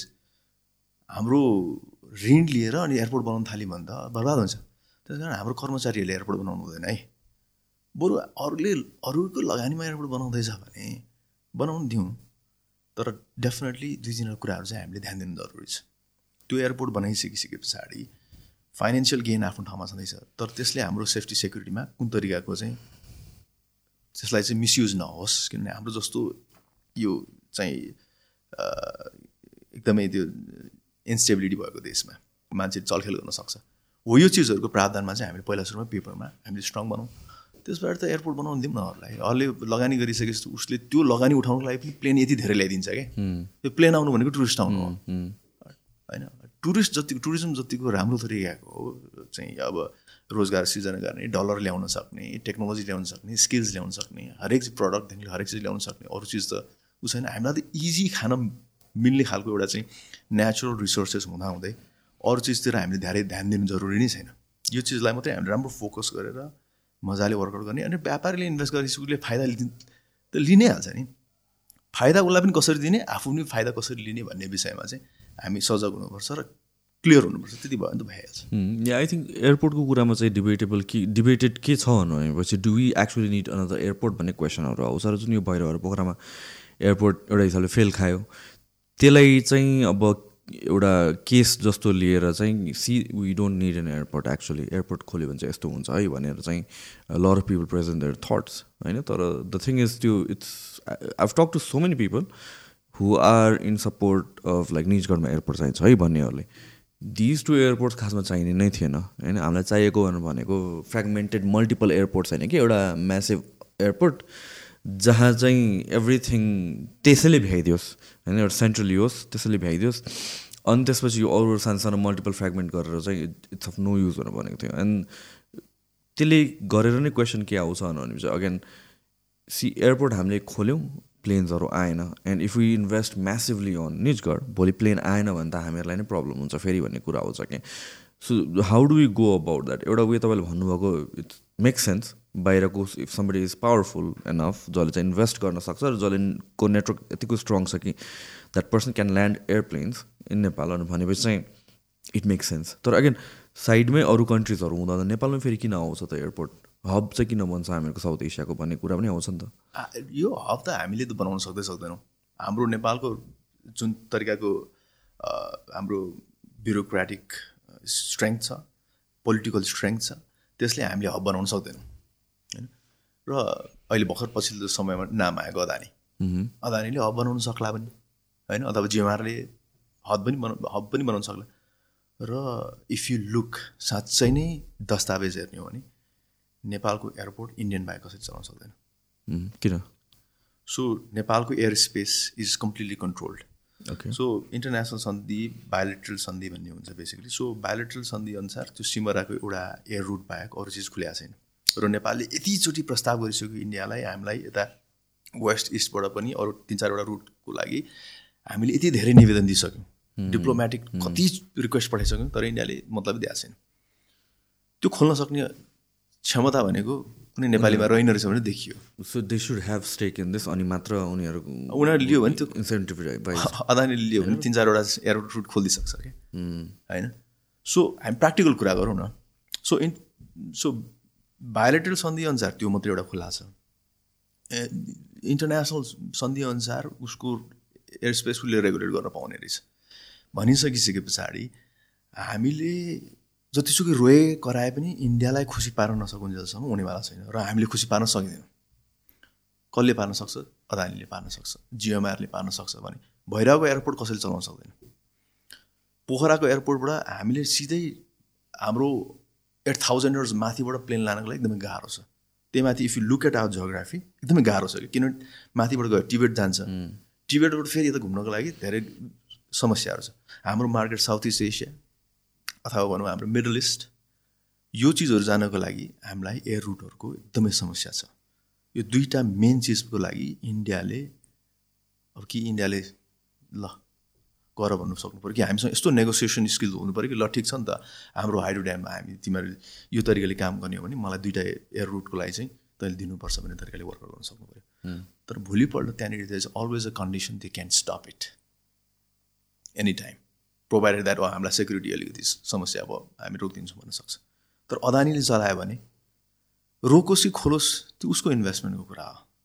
हामीलाई घाटै छैन बेसिकली घाटा त डेफिनेटली हुन्छ कम टुरिस्ट आइसकिसके पछाडि। तर उसलाई त झन् उसको एयरपोर्ट हो उसको लगानीमा बनेको एयरपोर्ट हो। भनेपछि उसले एडभोकेसी गर्छ नि त उहाँ त्यो गभर्मेन्टसँग र उसँग त्यो क्षमता पनि छ।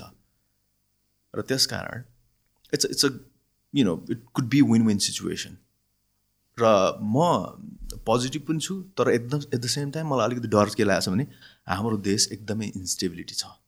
र इन्स्टेबिलिटी देश त्यही माथि यहाँ पाँच दस करोड खर्च गर्ने पोलिसी रात रात चेन्ज गरिदिन्छ कि यो देशमा। हो यो दुइटा चिजले गर्दाखेरि चाहिँ मलाई अलिक डर लाग्छ बेसी। सो त्यति हो सो करेन्ट पोलिटिकल सिचुएसनकै कुरा गर्दाखेरि like where are we going wrong किनभने at at one point we have world class federal system भनेर भन्छ होइन? तर on paper on theory everything looks perfect the for some reason something is not working problem चाहिँ आउने चाहिँ कहाँ रहेछ? अनि मेन त भिजनमा क्ल्यारिटी हुनु पऱ्यो नि। होइन हाम्रो एउटा नेतालाई हेरेर थाहा हुनु पऱ्यो कि यो नेता भनेको के हो? उसको स्ट्रेङ्थ के हो? ऊ टुरिज्म गर्नु खोजे हो कि हाइड्रो गर्नु खोजे हो कि ट्रान्सपोर्टेसन सिस्टम बनाउनु खोज्नु खोजे हो कि होइन टेक्नोलोजी बनाउनु खोजे हो कि एजुकेसन सिस्टम हो कि हेल्थ सिस्टम हो कि what exactly is that person's objective क्या? त्यो चाहिँ हुनुपर्छ जस्तो लाग्छ क्या मलाई। त्यस पछाडि त्यो मान्छेले एउटा क्षेत्रमा मात्रै फोकस गरेर एउटा क्षेत्रलाई राम्रो डेभलप गर्ने हो भने संसारभरि त्यही नै छ नि। म जहिले पनि चाइनाको डेङ सियोपिङको बिग फ्यान हुँ। उसले इकोनोमिक रिफर्म नगरे भए चाइना यहाँसम्म पुग्दै पुग्दैन। होइन? हाम्रो नेपाललाई पनि चाहिएको अहिले इकोनोमिक रिफर्मै हो। अहिले हामीलाई के चाहिएको छ? पैसा चाहिएको छ।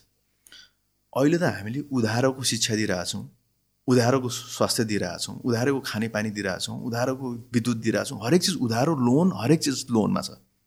कि दान दिएको कि उधारो दिएको लोन दिएको बेसिकली यो बाहेक केही पनि छैन। जब कि हामीसँग यति धेरै रिसोर्सेस छ। त्यो चिजलाई हामीले राम्रो तरिकाले क्यापिटलाइज गर्नको लागि look at the faces that has been running this country you see the solution you see the problem it's it's it's very easy नि होइन? उहाँहरूलाई हामीले धेरै लामो समयसम्म देखिसक्यौँ। उहाँहरू छोड्नुवाला छैन किनभने उहाँहरूलाई उहाँहरूको टिमले छोड्नु दिँदैन कि? उहाँहरूले चा चाहे पनि चान्स छैन। त्यस कारण नै हो त्यस कारण नै हो हामी अहिले पोलिटिक्समा we have to get involve भन्नु कारण पनि यही हो। अब next इलेक्सनसम्ममा definitely I think that you know हामी सबैजना मिलेर चाहिँ okay we have to build a narrative solution oriented narrative this is the solution है this is how we gonna make this billion of dollars for this nation अनि यो billion of dollars भयो भने हाम्रो क्यापिटल एक्सपेन्डिचर यति गऱ्यो भने हाम्रो इकोनोमी यो तरिकाले हुन्छ र यो इकोनोमी यसरी ट्रान्सफर्मेसन भयो भने हाम्रो देश साँच्चै नै प्रस्पेरिटी हुन्छ। भन्ने किसिमको त हामी क्ल्यारिटी त हुनु पऱ्यो नि बेसिकली यो क्ल्यारिटी भइसकिसकेपछि त सबै सोल्युसन छँदैछ नि। So do think by next elections people will be ready किनभने चाहिँ हाम्रो पोलिटिकल प्रब्लम नै त्यही आउँछ कि त्यही तिनवटा चारवटा पार्टी हो र त्यो तिनवटा चारवटा पार्टीको त्यही तिनवटा चारवटा फेसेस नै हो। त्यो कहिले पनि चेन्ज हुनेवाला छैन। इफ त्यहाँबाट हेर्ने हो भने त गर्न गर्ने भनेको त ग्राउन्ड लेभलबाट एज सिटिजन्सले नै हो। त्यो बाहेक अरूमाथि त चान्सै छैन। सो त्यहाँ पनि काइन्ड अफ अवेरनेस या एउटा कन्भिन्सिङको कुरा पनि आयो नि त। जुन हिसाबले तपाईँ लास्ट टाइम लाग्नुभएको थियो do you see that change or possibility in the future future भन्नाले अब नट इन्फाइनाइट फ्युचरको कुरा गरिरहेको छैन। नेक्स्ट इलेक्सनसम्ममा चाहिँ do you think people will किन लास्ट टाइम मलाई लागेको थियो नाउ अब यो पोइन्टमा त पिप मान्छेले बुझिसक्यो। यो पोइन्टमा त मान्छेहरूले अब त्यही चारवटा पार्टीलाई ट्रस्ट गर्दैन होला। तर टाइम एन्ड अगेन मलाई के फिल हुन्छ भने चाहिँ भने सी द रिजल्ट ए हामी त बबलमा पो बसिरहेको रहेछौँ काठमाडौँमा बसेर पो हाम्रो सर्कलको पो त्यो मेन्टालिटी रहेछ। तर ला नम्बर्सले त त्यो देखाइरहेको छ स्टेटिस्टिक्सले त स्टिल त्यही नै छ। भनेर भनेपछि यो रियालिटीमा we know what needs to be done तर इन प्र्याक्टिस ल्याउनलाई कतिको च्यालेन्जिङ छ कतिको फार फेस्ट ड्रिम हो? Like you having seen the political situation या चाहिँ इन्भल्भ हुनुभएको त्यो प्रोसेसमा what's you take on that I am very optimistic basically अब ग्रोथ भनेको ऱ्यापिड भन्दा पनि होइन ग्रेजुअल ग्रोथ भयो भने it will be more natural so I'm looking forward to it so next इलेक्सनसम्म म आफूले आफूलाई पनि च्यालेन्ज गरेको छु. नेक्स्ट इलेक्सनसम्म आई विल मोर प्रिपेयर्ड अस्तिको जस्तो एक महिनाको क्याम्पेन होइन म अब वर्षौँको क्याम्पेन चलाउँछु. सो आइल सी साथीभाइहरूसँग धेरै बस्छौँ हामी इन्टरनली गफसप गर्छौँ पोलिसीको बारेमा कुरा गर्छौँ इकोनोमीको बारेमा कुरा गर्छौँ सोल्युसन्सहरूको बारेमा कुरा गर्छौँ। र साँच्चै नै I mean I find it so easy like we been discussing it might sound kind of अलिकति ए गाह्रो कुरा भने जस्तो लाग्यो तर हाम्रो देश त साँच्चै नेचुरल्ली यो गिफ्टेड देशै छैन नि। हामीले चाहिँ खानेपानी नभएको देश वर्ल्डको धनी बनाइसक्यो होइन? त्यस्तो त्यस्तो देशहरूमा हामीलाई त यो हरेक चिजहरूमा सबै चिज नेचुरली वेआर सो गिफ्टेड अनि वर्ल्डको दुइटा यस्तो चिज दिएको छ संसारभरिले चिनेको चिज दिएको छ त्यसलाई मजाले टक्क वर्कआउट मात्रै गर्ने हो। हामीले गर्ने होइन पार्टनर फाइन्ड गर्ने हो। होइन जसरी हामीले भन्यो बुद्ध धर्म प्रचार गर्नको लागि हामी प्रचार गरेर हिँड्ने होइन क्या। होइन? बुद्ध धर्मगुरुहरू राजाहरू होइन रोयल्सहरू उनीहरूलाई हामी पार्टनर बनाउने हो। उनीहरूले गर्छ नि सबै चिजहरू। त्यस पछाडि त त्यसै पनि राम्रो तरिकाको रेभेन्यू जेनेरेट भइ नै हाल्छ। ठुलो कुरै होइन। र मैले सुरुमा गाँजाको बारेमा कुरा गर्दा मेरो साथीहरूले पनि भने के कुरा गरेर अरे गाँजाको कुरा गर्ने यत्रो रिसर्च गरे मान्छे यताउता यताउता भन्ने तरिकाको कुराहरू टन्न आउँछ क्या बेसिकली त्यो रिसर्च गरे भएर मैले गाँजाको बारेमा कुरा गरे हो। म पनि आई वाज भेरी सरप्राइज किनभने मैले पनि आई यो कन्भर्सेसन एकदमै ल्याउँछु कि विथ लर अफ एक्सपर्ट्स जति एक्सप्लोर गर्दै गयो and especially people who are educated people who are in like इकोनोमिक्समा खतरा खतरा नेपालको इन्टलेक्चुअल्सहरू रिसर्चमा खतरा खतरा फार्मास्युटिकल्समा खतरा खतरा सबैजना म नै सरप्राइज हुन्छु से कि लाइक अहिलेसम्म मैले यत्रो मान्छेले सोद्धाखेरि आई थिङ्क एक दुईजना back everybody is like for भन यो गर्नुपर्ने नै यही हो। सुनर लेटर हामीले गर्छौँ नै। इफ लेटर गर्नु सट्टा बरु सुनर गरौँ भन्ने मात्र छ कि सबैको? एब्सोल्युटली एब्सोल्युटली त्यही भएर त मलाई one thing I regret not being in the parliament पार्लियामेन्टमा भएको भए म हल्लाइदिन्थेँ मेरो त्यति कन्फिडेन्स छ जस्तो लाग्छ मलाई। किनभने I talk with the I I talk with convincing एउटा रिसोर्सेस भएर सबै चिज भएर म कुरा गर्थेँ होला जस्तो लाग्छ मलाई। जति पनि समितिहरूमा छलफल गर्नु पऱ्यो भने पनि आई वुड कम विथ मजाको राम्रो तरिकाको नेरेटिभ आर्गुमेन्ट सबै चिजहरू ल्याएर सबैजनालाई कन्भिन्स गराउन सक्थेँ होला जस्तो लाग्छ। मिडियाहरूले माइट गेट मोर ट्र्याक्सन र अन्तिममा त it's all about narrative uh people should know what I am talking about होइन उसले पहिला सुरुमा थाहा पाउनु पऱ्यो कि अब मैले गाँजा भन्ने बित्तिकै उस के सोच्दैछ क्या? राइट प्रस्पेरिटी सोचिरहेछ कि मेडिसिन सोचिरहेछ कि टुरिज्म सोचिरहेछ कि नसा सोचिरहेछ क्या? त्यो सोचिसकेको मान्छेलाई चेन्ज गर्न अलिकति गाह्रो छ क्या? होइन? गाँजा भन्ने बित्तिकै नसा सोच्ने मान्छेलाई मैले जतिसुकै प्रस्पेरिटीको कुरा गरौँ जतिसुकै बिलियन डलरको कुरा गरौँ उसले त नसा मात्रै देखिरहेको हुन्छ नसा मात्रै सुनिरहेको हुन्छ। सो गाह्रो छ क्या त्यो? सो बेसिकली त्यसको लागि भनिराख्नु पऱ्यो बोलिराख्नु पऱ्यो कम्युनिकेट गरिराख्नु पऱ्यो त्यसको लागि we need platforms we need voices होइन सबै चिज भइराख्नुपर्छ त्यसको लागि चाहिँ या हामी कुरा गरेर हुन्छौँ या इलेक्सन चाहिँ हामी धेरै ट्र्याक्सन्सहरू ल्याउन सक्थ्यौँ होला र यु हेभ बिन पास्ट तर अहिले चाहिँ हामीलाई एकदमै गाह्रो भयो। र के अब हामीसँग अप्सन्सहरू छ हामीले राखेका छौँ अप्सन्सहरू तर अब अलिकति होल्ड अप गरिरहेको छौँ अहिलेको लागि। सो अहिले अहिलेको पार्लियामेन्टमा चाहिँ कोही पनि छैन फर गाजा ल्याउनु पर्छ भने किनभने आई हियर अगेन लाइक बेला बेलामा यो कुरा उठ्छ होइन? त्यो डिस्कसनमा गइरहेको हुन्छ। तर त्यसलाई नेतृत्व गर्ने मान्छे नभएको हो। हाम्रो नेपालमा मैले अहिलेसम्मको ट्र्याक्सन हेर्दाखेरि के छ भन्दाखेरि हामी एउटा कुरा गर्छौँ। त्यसलाई एन्ड नगरिकन वी स्टार्ट अनदर टपिक होइन? अनि that's where we fail in both third and everything so अहिले त्यही भएर we have so many bills जस्तै हामीले कसिनो एक्ट पनि हामी काम गरिरहेको छौँ किनकि कसिनो साउथ एसियाको पहिलो कसिनो नेपालमा बनेको र यसले साँच्चै नै ठुलो रेभेन्यू ल्याउन सक्छ।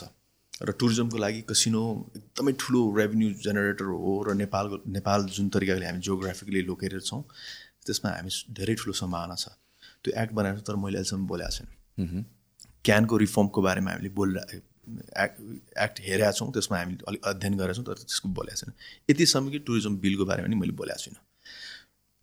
सायद हामी मन्त्रालयमा एकचोटि अब हामी नयाँ हामीले बनाएको चाहिँ लिएर गएर मन्त्रीज्यूलाई बुझाउँछौँ होला चाँडै नै।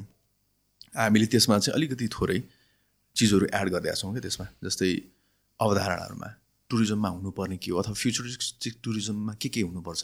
जस्तै हामीले पहिलासम्म स्पेसल इकोनोमिक जोन्सको बारेमा चाइनाको स्पेसल इकोनोमिक जोन्सको बारेमा कुरा गर्दा गर्दै नेपालमा पनि स्पेसल टुरिज्म जोन्सहरू हुनुपर्छ है? स्पेसल टुरिज्म जोन्सले के फाइदा पाउनुपर्छ?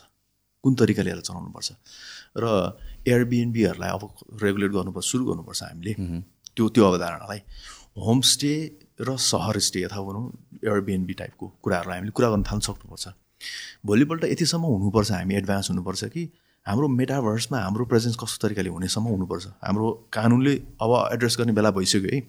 भोलिपल्ट लसिक छ डिज्नी वर्ल्डभरि हाम्रो नेपाल गभर्मेन्ट र डिज्नी वर्ल्डले एउटा यस्तो एमओयु साइन गरोस् कि हरेक डिज्नी वर्ल्डमा एभरेस्ट क्लाइम्बिङको एउटा भर्चुअल रियालिटीको एउटा चाहिँ एडभेन्चर बनाउने तरिकाको लाइसेन्स दिनेसम्म। उसले चलाए चढाए चढाए बापत चाहिँ दस डलरै आओस् न।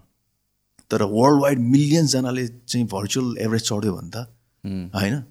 मल्टिमिलियन डलर्स त हाम्रो रेभेन्यू आइरह्यो प्लस त्यो भर्चुअल चढ्ने मान्छेलाई नेपाल घुम्न पनि आउनु मन लाग्यो। बिग मार्केटिङ सो त्यो लेभलसम्म हामीले चाहिँ होमवर्क गरेका छौँ बेसिकली मेराभर्सदेखिको लिएर भिआरदेखिको लिएर अगमेन्टेड रियालिटीदेखिको लिएर स्पेसल टुरिज्म जोन्सदेखिको लिएर त्यसबाट हामीले चाहिँ अलिकति फेरि स्पेसल प्रोटेक्टेड जोन्स पनि भनेका छौँ फेरि। त्यो भनेको। सो यो चाहिँ जस्तै मुस्ताङको कुरा गरौँ। अहिले पनि प्रोटेक्टेड जोन्स हो। त्यो मोडल चाहिँ के हो भने भुटानको मोडल कि? ओके सो भुटानले चाहिँ क्वान्टिटी भन्दा पनि क्वालिटी फोकस गर्छ नि त होइन? किनभने अलिकति इन्भाइरोमेन्टलाई पनि हार्म नहोस् तर आउन जाने मान्छेलाई welcome but you have to pay for that environment बचाउनुको लागि भल्युम होइन मिलाएर गर्नुपर्छ। हो यस्तो चिजहरू हाम्रो ठाउँमा पनि धेरैवटा ठाउँहरू छ। त्यसको लागि प्रोटेक्टेड जोन्स र इकोनोमिक जोन्स दुइटा टुरिज्म जोन्स दुइटा फोकस गर्ने। र टुरिज्म जोन्समा मान्छेलाई साँच्चै नै गुड टाइम्स होस्। उसलाई फ्रिली इन्भाइरोमेन्ट फोकस गरोस्। सबै चिज पाउनु पऱ्यो उसले। त्यो खालको जोन्सहरू जहाँनिर उसले मजाले हृदय खोलेर खर्च गर्न सकोस्। अर्को it's all about nature it's all about एकदमै चाहिँ स्पिरिचुअल पनि हुनसक्ला जस्तो तरिकाले पनि हुनसक्ला यो लेभलसम्म चाहिँ हामीले अलिअलि वर्कआउट गरेर पहिला जे जे चिजहरू चाहिँ एड्रेस गरेका छैन नाइट लाइफको कुरा गरेदेखि लिएर हरेक चिजहरू गरेर हामीले बिल पनि रेडी गरिसकेका छौँ। So will talk about that so हामीले अब टुरिज्मलाई फोकस गर्ने हो भने त अगेन मेन थिङहरू भनेको त एयरपोर्टको एउटा एकदमै निट आउँछ सो बेला बेलामा कुरा आउने हामी कमिङ टु ब्याक टु यो निजगढको एयरपोर्टको कुरामा। बेला बेलामा कुरा आउने भनेको चाहिँ हाम्रो एउटा एयरपोर्टमा जुन एउटै छ अहिलेसम्म पनि ल्यान्डिङ स्ट्रिप नै त्यसले त भ्याउँदैन भन्ने कुरा आउँछ अहिलेसम्म भ्याइरहेछ होला भ्याइ नभ्याइ ह्यान्डल गरिरहेछ होला जसरी पनि। इभेन्चुली हामीलाई अर्को चाहिन्छ। फर्स्ट कुरा आउँछ के भन्नु भनेपछि टिआईमै अर्को एस्ट्रिप बनाउनु मिल्छ कि मिल्दैन भन्ने कुरा आउँछ कतिको फिजिबल छ होइन? सो तपाईँले त्यसमा पनि हेर्नु भएको छ होला होइन? लेट्स टक अबाउट द्याट र अल्टरनेटिभ एयरपोर्ट चाहियो भने अगेन दुइटा अन्नेसेसरी एयरपोर्ट थियो भनेर आई थिङ्क धेरैजनामा त्यो कम्युनिकेट भएको छैन। पिपल अज्युम कि we ask for an airport airport दियो त चलाउनु सकेन। सी नेपालमा नचाहिने रहेछ नेपालमा नचल्ने रहेछ अर्को चाहिँदैन भन्ने कुरा आउँछ। एन्ड देन थर्ड कुरा के आउँछ भने चाहिँ वाइ निजगढ निजगढ गराउन्डमा अरू ठाउँमा पनि गर्न सकिन्छ नि। त्यत्रो वन जङ्गल गर्नुपर्ने like people who are into environmental कन्जर्भेसनको चाहिँ कन्सर्न आउँछ त्यो। सो यो तिनवटा कुराहरू आयो कि? सो लेट्स स्टार्ट विथ टिआइएमै अर्को बनाउन सकिन्छ कि सकिँदैन? टिआइएलाई हामीले फोकस गर्नुपर्ने टर्मिनल्स र पार्किङ अनि अहिले हाम्रो runway around thirty six hundred meters so ideally it needs to be four thousand meters runway त्यसको लागि चाहिँ हाम्रो डबल डेकर जम्बो जेट्सहरू हामीलाई जम्बो जेट बनाएको छ बेसिकली डबल डेकर्सहरू जुन थ्री फिफ्टी थ्री एटी एयरबसको त्यो लेभलको ल्यान्डिङ गर्नको लागि चाहिँ हामी we need have four thousand मिटर्सको runway अहिले हाम्रो थर्टी सिक्स हन्ड्रेड मिटर्स मात्रै छ भैरवाको हाम्रो थर्टी फाइभ हन्ड्रेड मिटर्स होला। पोखराको हाम्रो जम्मा थ्री थाउजन्ड मिटर्सको होला। सो टिआईलाई अलिकति अपग्रेड गर्ने भने रनवे लामो बनाउनुपर्छ। कोटेश्वरको अन्डर पास गरेर एक्सटेन्ड गऱ्यो भने फोर थाउजन्ड फोर किलोमिटरसम्म बनाउन सक्ने खालको एउटा ऊ चाहिँ छ। तर एकदमै गाह्रो छ क्या नेपालको हाम्रो टिआई किनभने हाम्रो त भ्याली हो वरिपरि डाँडै डाँडा छ। ठुलो प्लेनलाई अप्रोचको लागि डाँडा काँडाले एकदमै गाह्रो पर्ने रहेछ। हामीले हाम्रो एरोनोटिकल इन्जिनियर्सहरूसँग बस्यौँ धेरै बस्यौँ हामी डिस्कसन्सहरू गऱ्यौँ होइन? अनि जति हेऱ्यो कति क्वेसन्सहरू आउने कि? होइन? हाम्रो अप्रोच लिमिटेसन्सदेखिको लिएर चाहिँ एलिभेसनको लिमिटेसन्स अलरेडी त्यो चाहिँ फेरि एकदमै सिटीको बिचमा छ। त्यो अर्को थ्रेड दुनियाँ चिज रहेछ हामीसँग। अनि भैरवाको कुरा गरौँ। भैरवा हामीले बनाउनै हुँदैन थियो पहिला सुरुमा। एयरपोर्ट नबनाउने भनेकै होइन फेरि। एयरपोर्ट बन्नु पर्थ्यो। इन्टरनेसनल इन्भेस्टमेन्टमा इन् इन्टरनेसनल इन्भेस्टर्सहरूले अथवा नेपाली इन्भेस्टरले नेपाली इन्भेस्टमेन्टमा। गभर्मेन्टको पैसाले होइन कि? जनताको ट्याक्सपेयरको पैसाले हाम्रो कर्मचारी जोसँग चाहिँ एक्सपिरियन्स पनि छैन जोसँग एउटा चाहिँ उस ऊ त कर्मचारी न हो बेसिकली हामी उसको काम भनेको त बेसिकली लिडरले के निर्णय गर्यो त्यसलाई काम गराइदिने न हो होइन? उसलाई चाहिँ उसँग त त्यति साह्रो भिजन नहुनसक्छ स्किल नहुनसक्छ एउटा प्रोसेसिङ प्राविधिकै कुरा गरौँ तर प्रविधिक कुरा गर्दाखेरि पनि हाम्रो टिआइए भन्दा उसले त बढी देखाएको छैन। विदेशमा गएर यसो घुमेर आएर त हुनेवाला छैन। सो विदेशीहरू कम्पनीहरू भएको भए त उसले बाहिर रन गरिसकेको सबै एभ्रिथिङ गरिसकेको अनुभव भएको मान्छेहरूले बनाएको भए त्यो एयरपोर्टै फरक हुन्थ्यो। र उनीहरूले लगानी गरेको भए लगानी उठाउनुको लागि पनि प्लेन कतिवटा आइसक्यो कि त्यहाँनिर? सो मिस्टेक्सहरू भइसक्यो अब। अब वी क्यान गो ब्याक तर अब पनि हामीले क्यापिटलाइज गर्नुको लागि दुई तिनवटा अब छिटोको लागि भएर एयरपोर्ट पोखराभन्दा अझ राम्रो छ। रनवे लामो छ। र वाइड बडी पनि ल्यान्ड गरिरहेको छ त्यहाँनिर। पोखरामा त न्यारो बडी पनि गाह्रो छ। अप्रोचमा पनि समस्या छ। सो मेन कुरा भने त ट्याक्सी वे पनि छैन। जस्तो लाग्यो मलाई ट्याक्सी वे पनि छैन पोखरामा। र त्यो भनेको चाहिँ टेक्निकल्ली अथवा अरू देश भयो भए धेरैजनालाई फाँसीको सजाय भइसक्थ्यो होला। होइन? पोखरा एयरपोर्टमा तर हाम्रो देश पऱ्यो है? एयरपोर्ट बनायो भने जय जयकार हुन्छ। तर त्यो त्यहाँ फाँसीको सजाय सुनाउने खालको एयरपोर्ट हो त्यो। होइन? त्यो त्यो ठाउँ यति ब्युटिफुल एयरपोर्ट छ। That's the most beautiful airport in the world त्यसलाई अलिकति टेक्निकल टेक्निकल तरिका प्राविधिक रूपमा अलिकति अध्ययन गरेर राम्रो तरिकाले बनाएको भए त्यो एयरपोर्टमा कसलाई ल्यान्ड गर्नु मन लाग्दैन थियो होला। सो त्यो खालको सिचुएसन छ हाम्रो। सो निज गर्ने किन त? अब त्यहाँको अराउन्डमा अरू ठाउँ छ कि छैन? जहाँ चाहिँ मेबी रुख काट्नु नपर्ला त्यति धेरै ओर भनौँ न जुन भनिन्छ त्यहाँतिर चाहिँ इम्पोर्टेन्ट काइन्ड अफ रुखहरू छ। It's not just about any tree they are certain trees जुन चाहिँ काट्न नहुने छ भनेर यसो हेर्दाखेरि अगेन नेपालको जोग्राफीमा फरेस्ट हेर्ने हो भने म्यासिभ नै छ। होइन? I think lot of people don't know about it forty percent अब छ जुन इन्टरनेसनली हेर्ने हो भने चाहिँ प्रायः भनेको fifteen twenty percent fifteen seventeen twelve thirteen पर्सेन्टको अराउन्डमा हुन्छ। लाइक ट्वेन्टी पर्सेन्ट हुनु भने पनि धेरै हो।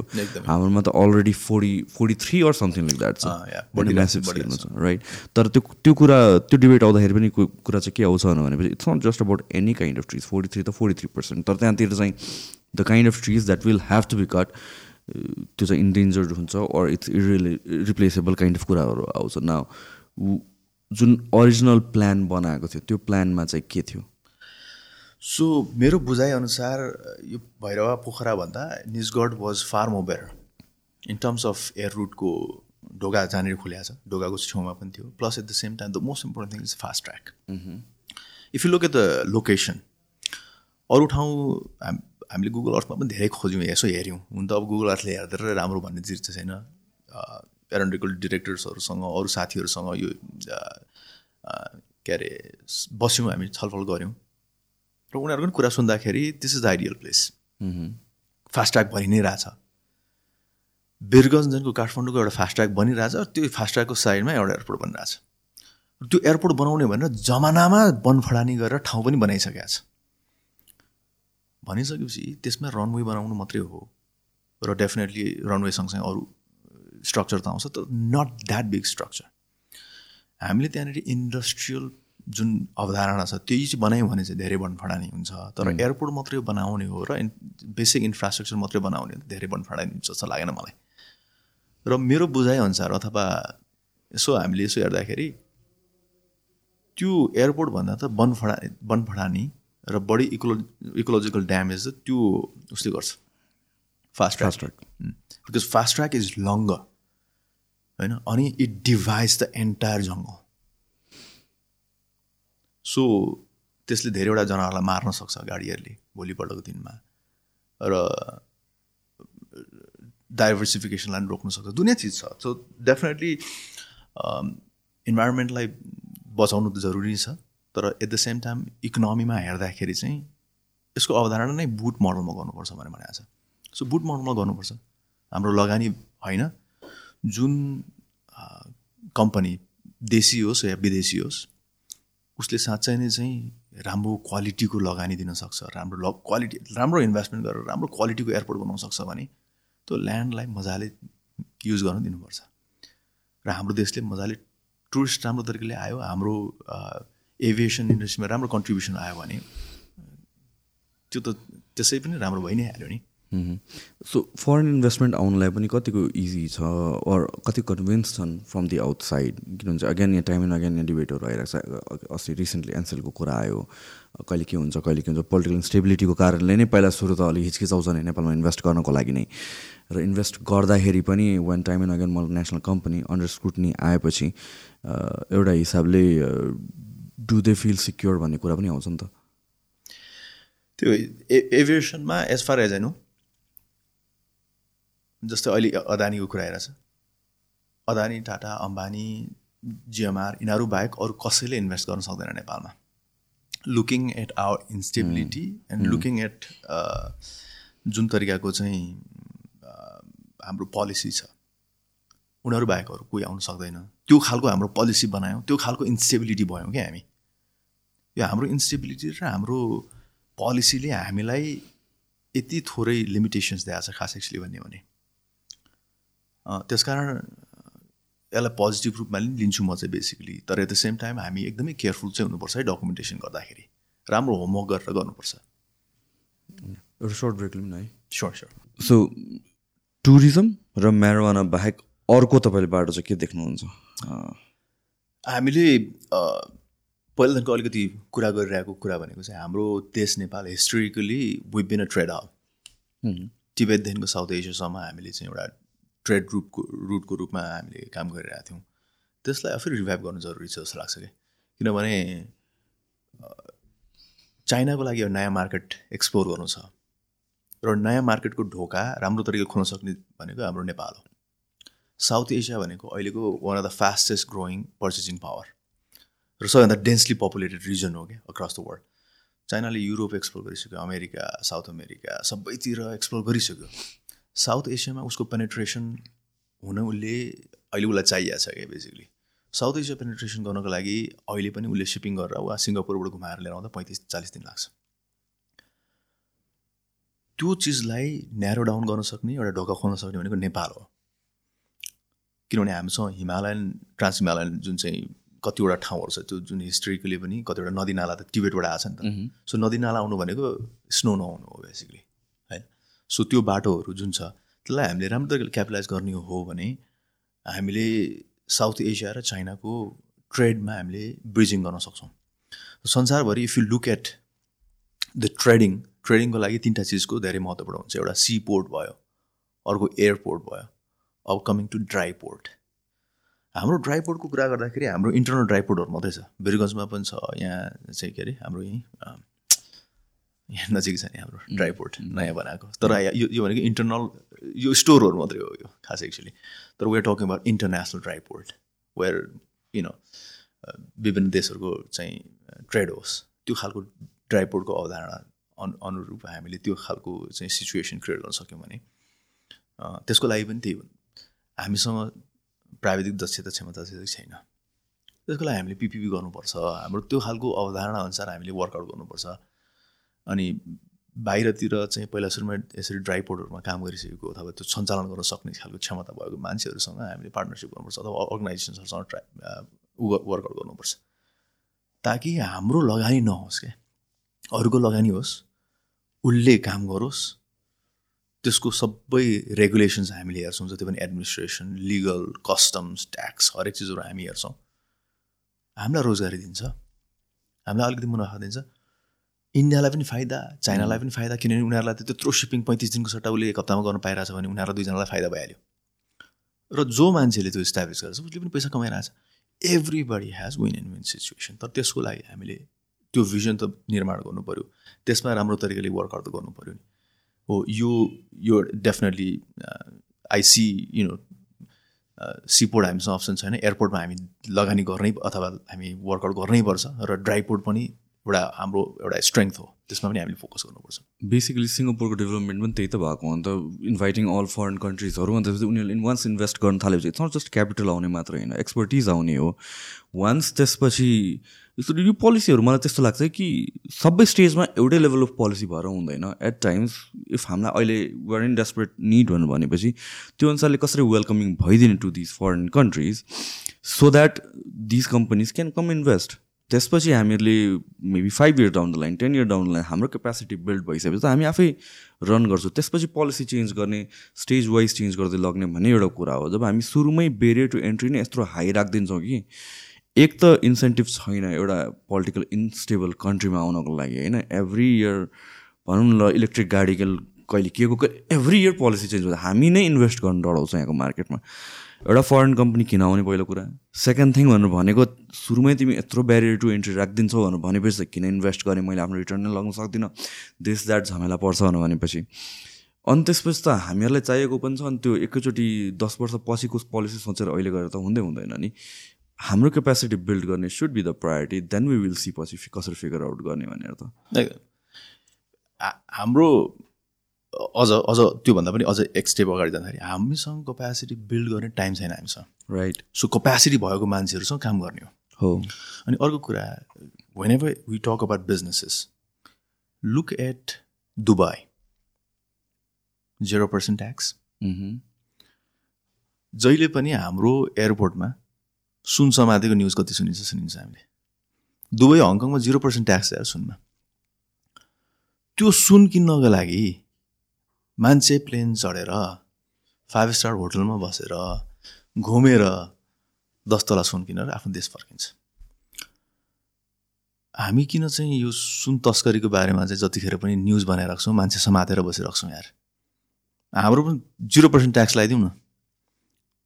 काँचो सुनमा जिरो पर्सेन्ट ट्याक्स तर काँचो सुन यहाँबाट एक्सपोर्ट नहोस्। दुई तिनवटा कुराहरू छ यसमा हाम्रो धेरै डलर जान्छ कि भन्ने डर छ। बेसिकली सानो इकोनोमी भोलिपल्ट डलर सबै सुन तस्करमै गयो भने बर्बाद पनि हुन्छ भन्ने तरिकाको डर पनि हुन्छ।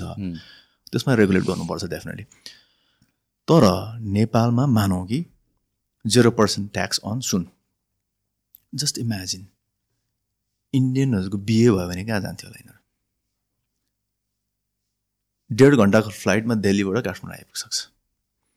यहाँ टन्न सुन किनेर टक्क ज्वेलरीहरू किनेर यो त साँच्चै नै भने त ज्वेलरी हब हुन्छ साउथ एसियाको। को दुबई गइरहेको छ?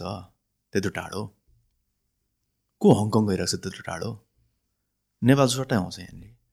र हामीले फोकस गऱ्यौँ भने हाम्रो स्ट्रेङ्थमा अन्त हामीलाई हामीलाई जे चिजमा चाहिँ ओहो यहाँ अपर्च्युनिटी रहेछ भने चाहिँ ओह ल यसमा वर्कआउट गरौँ न भन्नु पऱ्यो क्या। यदि हामीले फरेन डिरेक्ट इन्भेस्टमेन्ट चाहिने हो भने त यहाँ ट्याक्स फ्री गर्नुपर्छ क्या हामीले।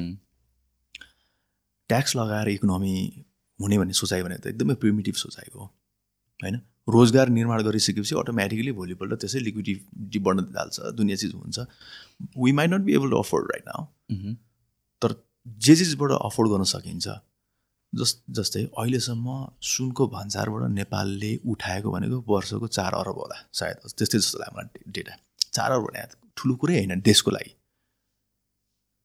तर यदि त्यो चार अरब गुमाएर हामीले साँच्चै नै जेरो पर्सेन्ट ट्याक्स गरिदिने हो सुनमा भने नि चार सय अरब कमाइन्छ क्या हामीले पर इयर फोर बिलियन डलर्सभन्दा बढीको ट्रेड हुन्छ क्या ज्वेलरीमा अनि जस्ट इमेजिन जुन तरिकाको टुरिज्म हामीले अट्र्याक्ट गर्दैछौँ कि। बिहे गर्न आउने मान्छे लग्जरी वाच लग्जरी ज्वेलरी भोलिपल्ट गुची प्राडा एलबिएमएसदेखि सबजना हुन्छ यहाँ नेपालमा। साउथ एसियाको सबैभन्दा मोस्ट चाहिँ एक्जोरिक सपिङ सेन्टर नेपालमा हुन्छ। त्यति मात्रै गरिदिने राम्रो तरिकाले पोलिसी गरिदिने भने। तर त्यसको लागि त हामीसँग पनि राम्रो तरिकाले प्रिपेयर त गर्नै पर्छ डेफिनेटली तर it's it's it might be the easiest solution also पनि। होइन? हामीले चार अरब स्टेकमा राख्नु कुन ठुलो कुरो हो र बेसिकली? आई थिङ्क हाम्रो अहिले प्रब्लम के छ भनेपछि we can not afford this economy either हेर्नुहोस् जुन क्यान यु अफोर्ड टु हुन्छ नि सब्सिडाइज एभ्रिथिङ यो ट्याक्स फ्री गर्ने अफोर्ड गर्न सक्छौँ कि सक्दैनौँ? भन्दा अगाडि हाम्रो इकोनोमीको स्टेट जुन छ पुगेका छौँ अहिले हामी त्यो पनि अफोर्ड गर्न सक्दैनौँ। इट जस्ट हामीले रिसोर्सेस बच्चो कुचोको रिसोर्सेस कहाँ इन्भेस्ट गर्ने भन्ने कुरा मात्र र ओपन डायलग हुनु एकदम इम्पोर्टेन्ट छ। अहिले कतिवटा हाम्रो कन्भर्सेसन्सहरू केले ड्राइभ गर्छ भनेपछि त्यही ट्याबु त्यही सेन्टिमेन्ट ऱ्यासनली सोचेको छैन। लाइक म्यारोवानाकै केसमा पनि I'm not all for it तपाईँ पनि अल फर इट होइन। यु डु रेकगनाइज डाउन साइड्सहरू र यो ओपन कन्भर्सेसन चाहिँ हुनु जरुरी छ। ऱ्यासनली चाहिँ छुट्याउनु जरुरी छ कि? राजन सेङ कि ए ओके यो भनेको नराम्रो यो भनेको नराम्रो। सुनकै कुरामा पनि कतिजना मान्छेहरूले त्यही कमेन्टहरू गर्छन् होला या त्यही हिसाबले सोध्छन् होला। कि सुन भनेको त होइन। यो यस्तै भएर आइरहेको छ नि यस्तै हुनुपर्छ काइन्ड अफ त्यो एउटा त्यही लयमै जाने काइन्ड अफ एउटा टेन्डेन्सी छ। र नेपालमा some sort of re reform भएन भने र हामीले यो अगेन्स्ट द ग्रिन पनि सोच्न छोड्यो भने त यो वेभमै जाने हो भने त यो वेभ त it's going in the wrong direction already नै। अफकोर्स अब हामीले पहिला सुरुमा चाहिँ जस्तै इकोनोमीलाई हेर्ने हो भने इकोनोमीलाई सुधार गर्नको लागि पहिला सुरुमा हाम्रो इकोनोमी अध्ययन गर्नु जरुरी छ नि त। अहिले हामीले पछिल्लो समयमा सबैभन्दा बढी समातेको सुन हो नि त। हो। होइन? सुनले कति ट्याक्स तिरिरहेको रहेछ हाम्रो फोर्टिन फिफ्टिन बिलियन डलर्समा अराउन्ड दस बाह्र त एडमिनिस्ट्रेटिभ कस्ट छ क्या देश चलाउन। सो सो कर्मचारी नेता पाल्नको लागि सबै ट्याक्सको झन्डै कति सेभेन्टी एटी पर्सेन्ट अथवा त्योभन्दा माथि राइट बढी त्यसैमा तिर्नुपर्छ। होइन होइन। हाम्रो रेभेन्यू जम्मा नाइन बिलियन मात्रै होला उल्टै। त्योभन्दा बढी लोन तिरेर हामीले एडमिनिस्ट्रेटिभ कस्ट धान्नुपर्ने खालको सिचुएसन छ। त्यो खालको बजेट बन्छ हाम्रो देशमा। अब त्यो खालको सिचुएसनमा हो हामीले अहिले नै एकैचोटि चाहिँ दुबईको जस्तो कम्पनीलाई ट्याक्स फ्री बनाएर ट्वेन्टी फाइभ पर्सेन्ट ट्याक्स पनि हटाउन भनेर अगाडि सोच्नको लागि त एकदमै ठुलो रिस्क होला। तर सानोतिनो चिजहरू एउटा क्याटेगोरी वाइजमा जहाँनिर चाहिँ साँच्चै नै यसलाई ट्याक्स फ्री गर्दाखेरि हाम्रो इकोनोमीमा म्यासिभ बुस्ट आउँछ भन्ने तरिकाको चाहिँ होमवर्क गर्ने हो भने सुनभन्दा राम्रो तरिकाको कुनै अर्को अप्सन छैन जस्तो लाग्छ मलाई। हिरा सुनमा साँच्चै नै नेपालले ट्याक्स फ्री गरिदियो हुन्छ। तर के ओरिएन्टेड हुनु पऱ्यो भने एक्सपोर्ट ओरिएन्टेड विदेशीहरू आओस् यसमा। स्पेसली भनौँ न इन्डिया त्यहीँनिर चाहिँ डह्रो आउँछ हन्ड्रेड पर्सेन्ट आउँछ कि उनीहरूको हरेक वेडिङदेखि लिएर so many rituals they need that अनि हाम्रो इकोनोमीमा म्यासिभ बुस्ट चाहिँ हुन्छ अब यो चिजहरूमा सानोतिनो मात्रै होमवर्क गर्न सक्यो भने पनि धेरै ठुलो इकोनोमिक बेनिफिट्सहरू छ।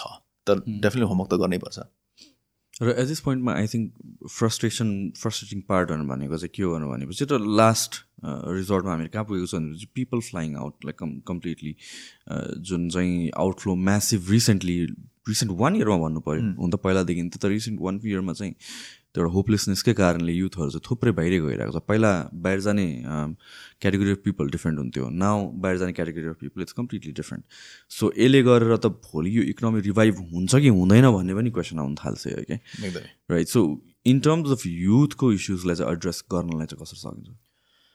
अहिले सबैभन्दा ठुलो च्यालेन्जेस हाम्रो इकोनोमीमा दुईवटा चिज छ। अब गभर्मेन्टले त मोनिटरी पोलिसीलाई जहिले पनि पोइन्ट आउट गरिरहेको छ। यो मोनिटरी पोलिसी गर्दाखेरि हाम्रो गाह्रो भइरहेछ भन्ने तरिकाले कुरा गरिरहेछ। र अर्को अध्ययनले के पनि भन्छ भन्दाखेरि हाम्रो इकोनोमीलाई लिक्विफाई गर्ने को हो भन्दाखेरि युथ। अझ स्ट्रेट अप एकदमै बेसिक ल्याङ्ग्वेज भन्नु भन्दाखेरि जसले रक्सी खान्छ नि त्यसले इकोनोमीलाई भाइब्रेन्ट बनाउँछ भन्छ क्या। रक्सी खाने मान्छेहरूको साथी हुन्छ। रक्सी खाने मान्छे घुम्या घुमे गर्छ यता जान्छ उता जान्छ यसो उसो गर्छ।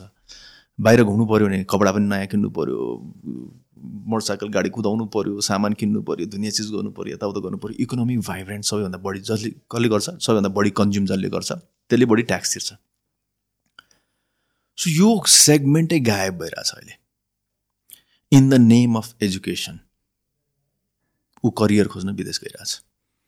अमेरिका होस् कि अस्ट्रेलिया होस् कि क्यानाडा होस् कि जुनसुकै देश होस् इभन इन्डिया तर एजुकेसनको नाममा ऊ करियर खोज्नै गइरहेको हो नि त।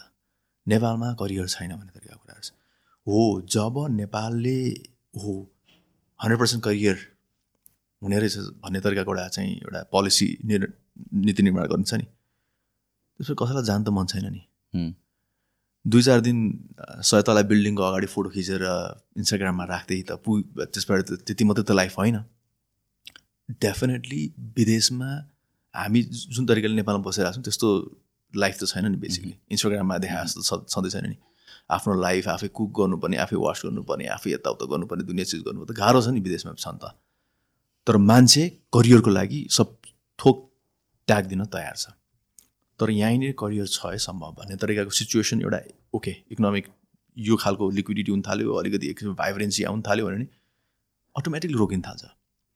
अहिले त यति डेस्परेट भइसक्यो मान्छेहरू यति यति फ्रस्ट्रेट भइसक्यो। अहिले जतिको इकोनोमिकली गाह्रो सिचुएसन त अब म अब दरमार्गमा लामो समय व्यवसाय गरेर बसेको मान्छे प्रायः जस्तो धेरैजना बिजनेसम्यान साथीहरूसँग बिहान बेलुकासँग ह्याङआउट गरेर आउँछु। आई सी एनी ह्याप्पी सबैजनालाई गाह्रो छ। सानो एउटा स्मल मिडियम लार्ज इन्डस्ट्री सबै business to enterprises to industrialist सबैलाई गाह्रो परिरहेको अवस्था छ। यो यस्तो खालको बेलामा चाहिँ यदि हामीले साँच्चै नै एड्रेस गर्नको लागि दुई तिनवटा इकोनोमिक रिफर्महरू अघि हामीले त्यति कुरा गऱ्यौँ नि मान्छेहरूलाई सानो कुरा जस्तो लाग्न थाल्छ क्या। गाँजालाई रेगुलेट गर्ने हो भने नि धेरै ठुलो हिस्सा यसले एड्रेस गर्नेछ। तर मान्छेले यसलाई सिरियसली लिएको छैन अहिलेसम्म। यो गोल्डको जेरो पर्सेन्ट ट्याक्स भन्सार गरिदिनु अथवा फाइभ पर्सेन्ट ट्याक्स मात्रै राखिदिउँ न tax trust me I'll create a lot of job opportunities यहाँ हाम्रो इकोनोमीमा यति ठुलो भाइब्रेन्सी ल्याइदिन्छ। यो सानो सानो चिजहरू मात्रै हामीले फोकस गर्ने हो भने र एकदमै इन्स्ट्यान्टली छिटो हुने चिजहरू भनेको यिनीहरू पर्दछ कि। त्यसबाट डेफिनेटली अरू टुरिज्म प्रडक्ट्सहरू छँदैछ। किसिनोमा हामी फोकस गरौँ के अरे बुद्ध जन्मेको लुम्बिनीमा फोकस गरौँ होइन? यस्तो चिजहरू पनि छँदैछ डेफिनेटली सो मेनी चिजहरू छ तर कुनै पनि केही पनि ट्राई आउट नगर्ने भने त डेफिनेटली हामी यस्तै तरिकाले जानेवाला छौँ। आई थिङ्क प्रिटी मच हामीले डिस्कस गरेँ यो कुरामा पनि होइन। थ्याङ्क यू सो मच अनुभवमा। Anything you would like to add यसमा केही थप्नुपर्छ कुरा? All good Sushant. Yeah was great right let's end this thank you so much thank you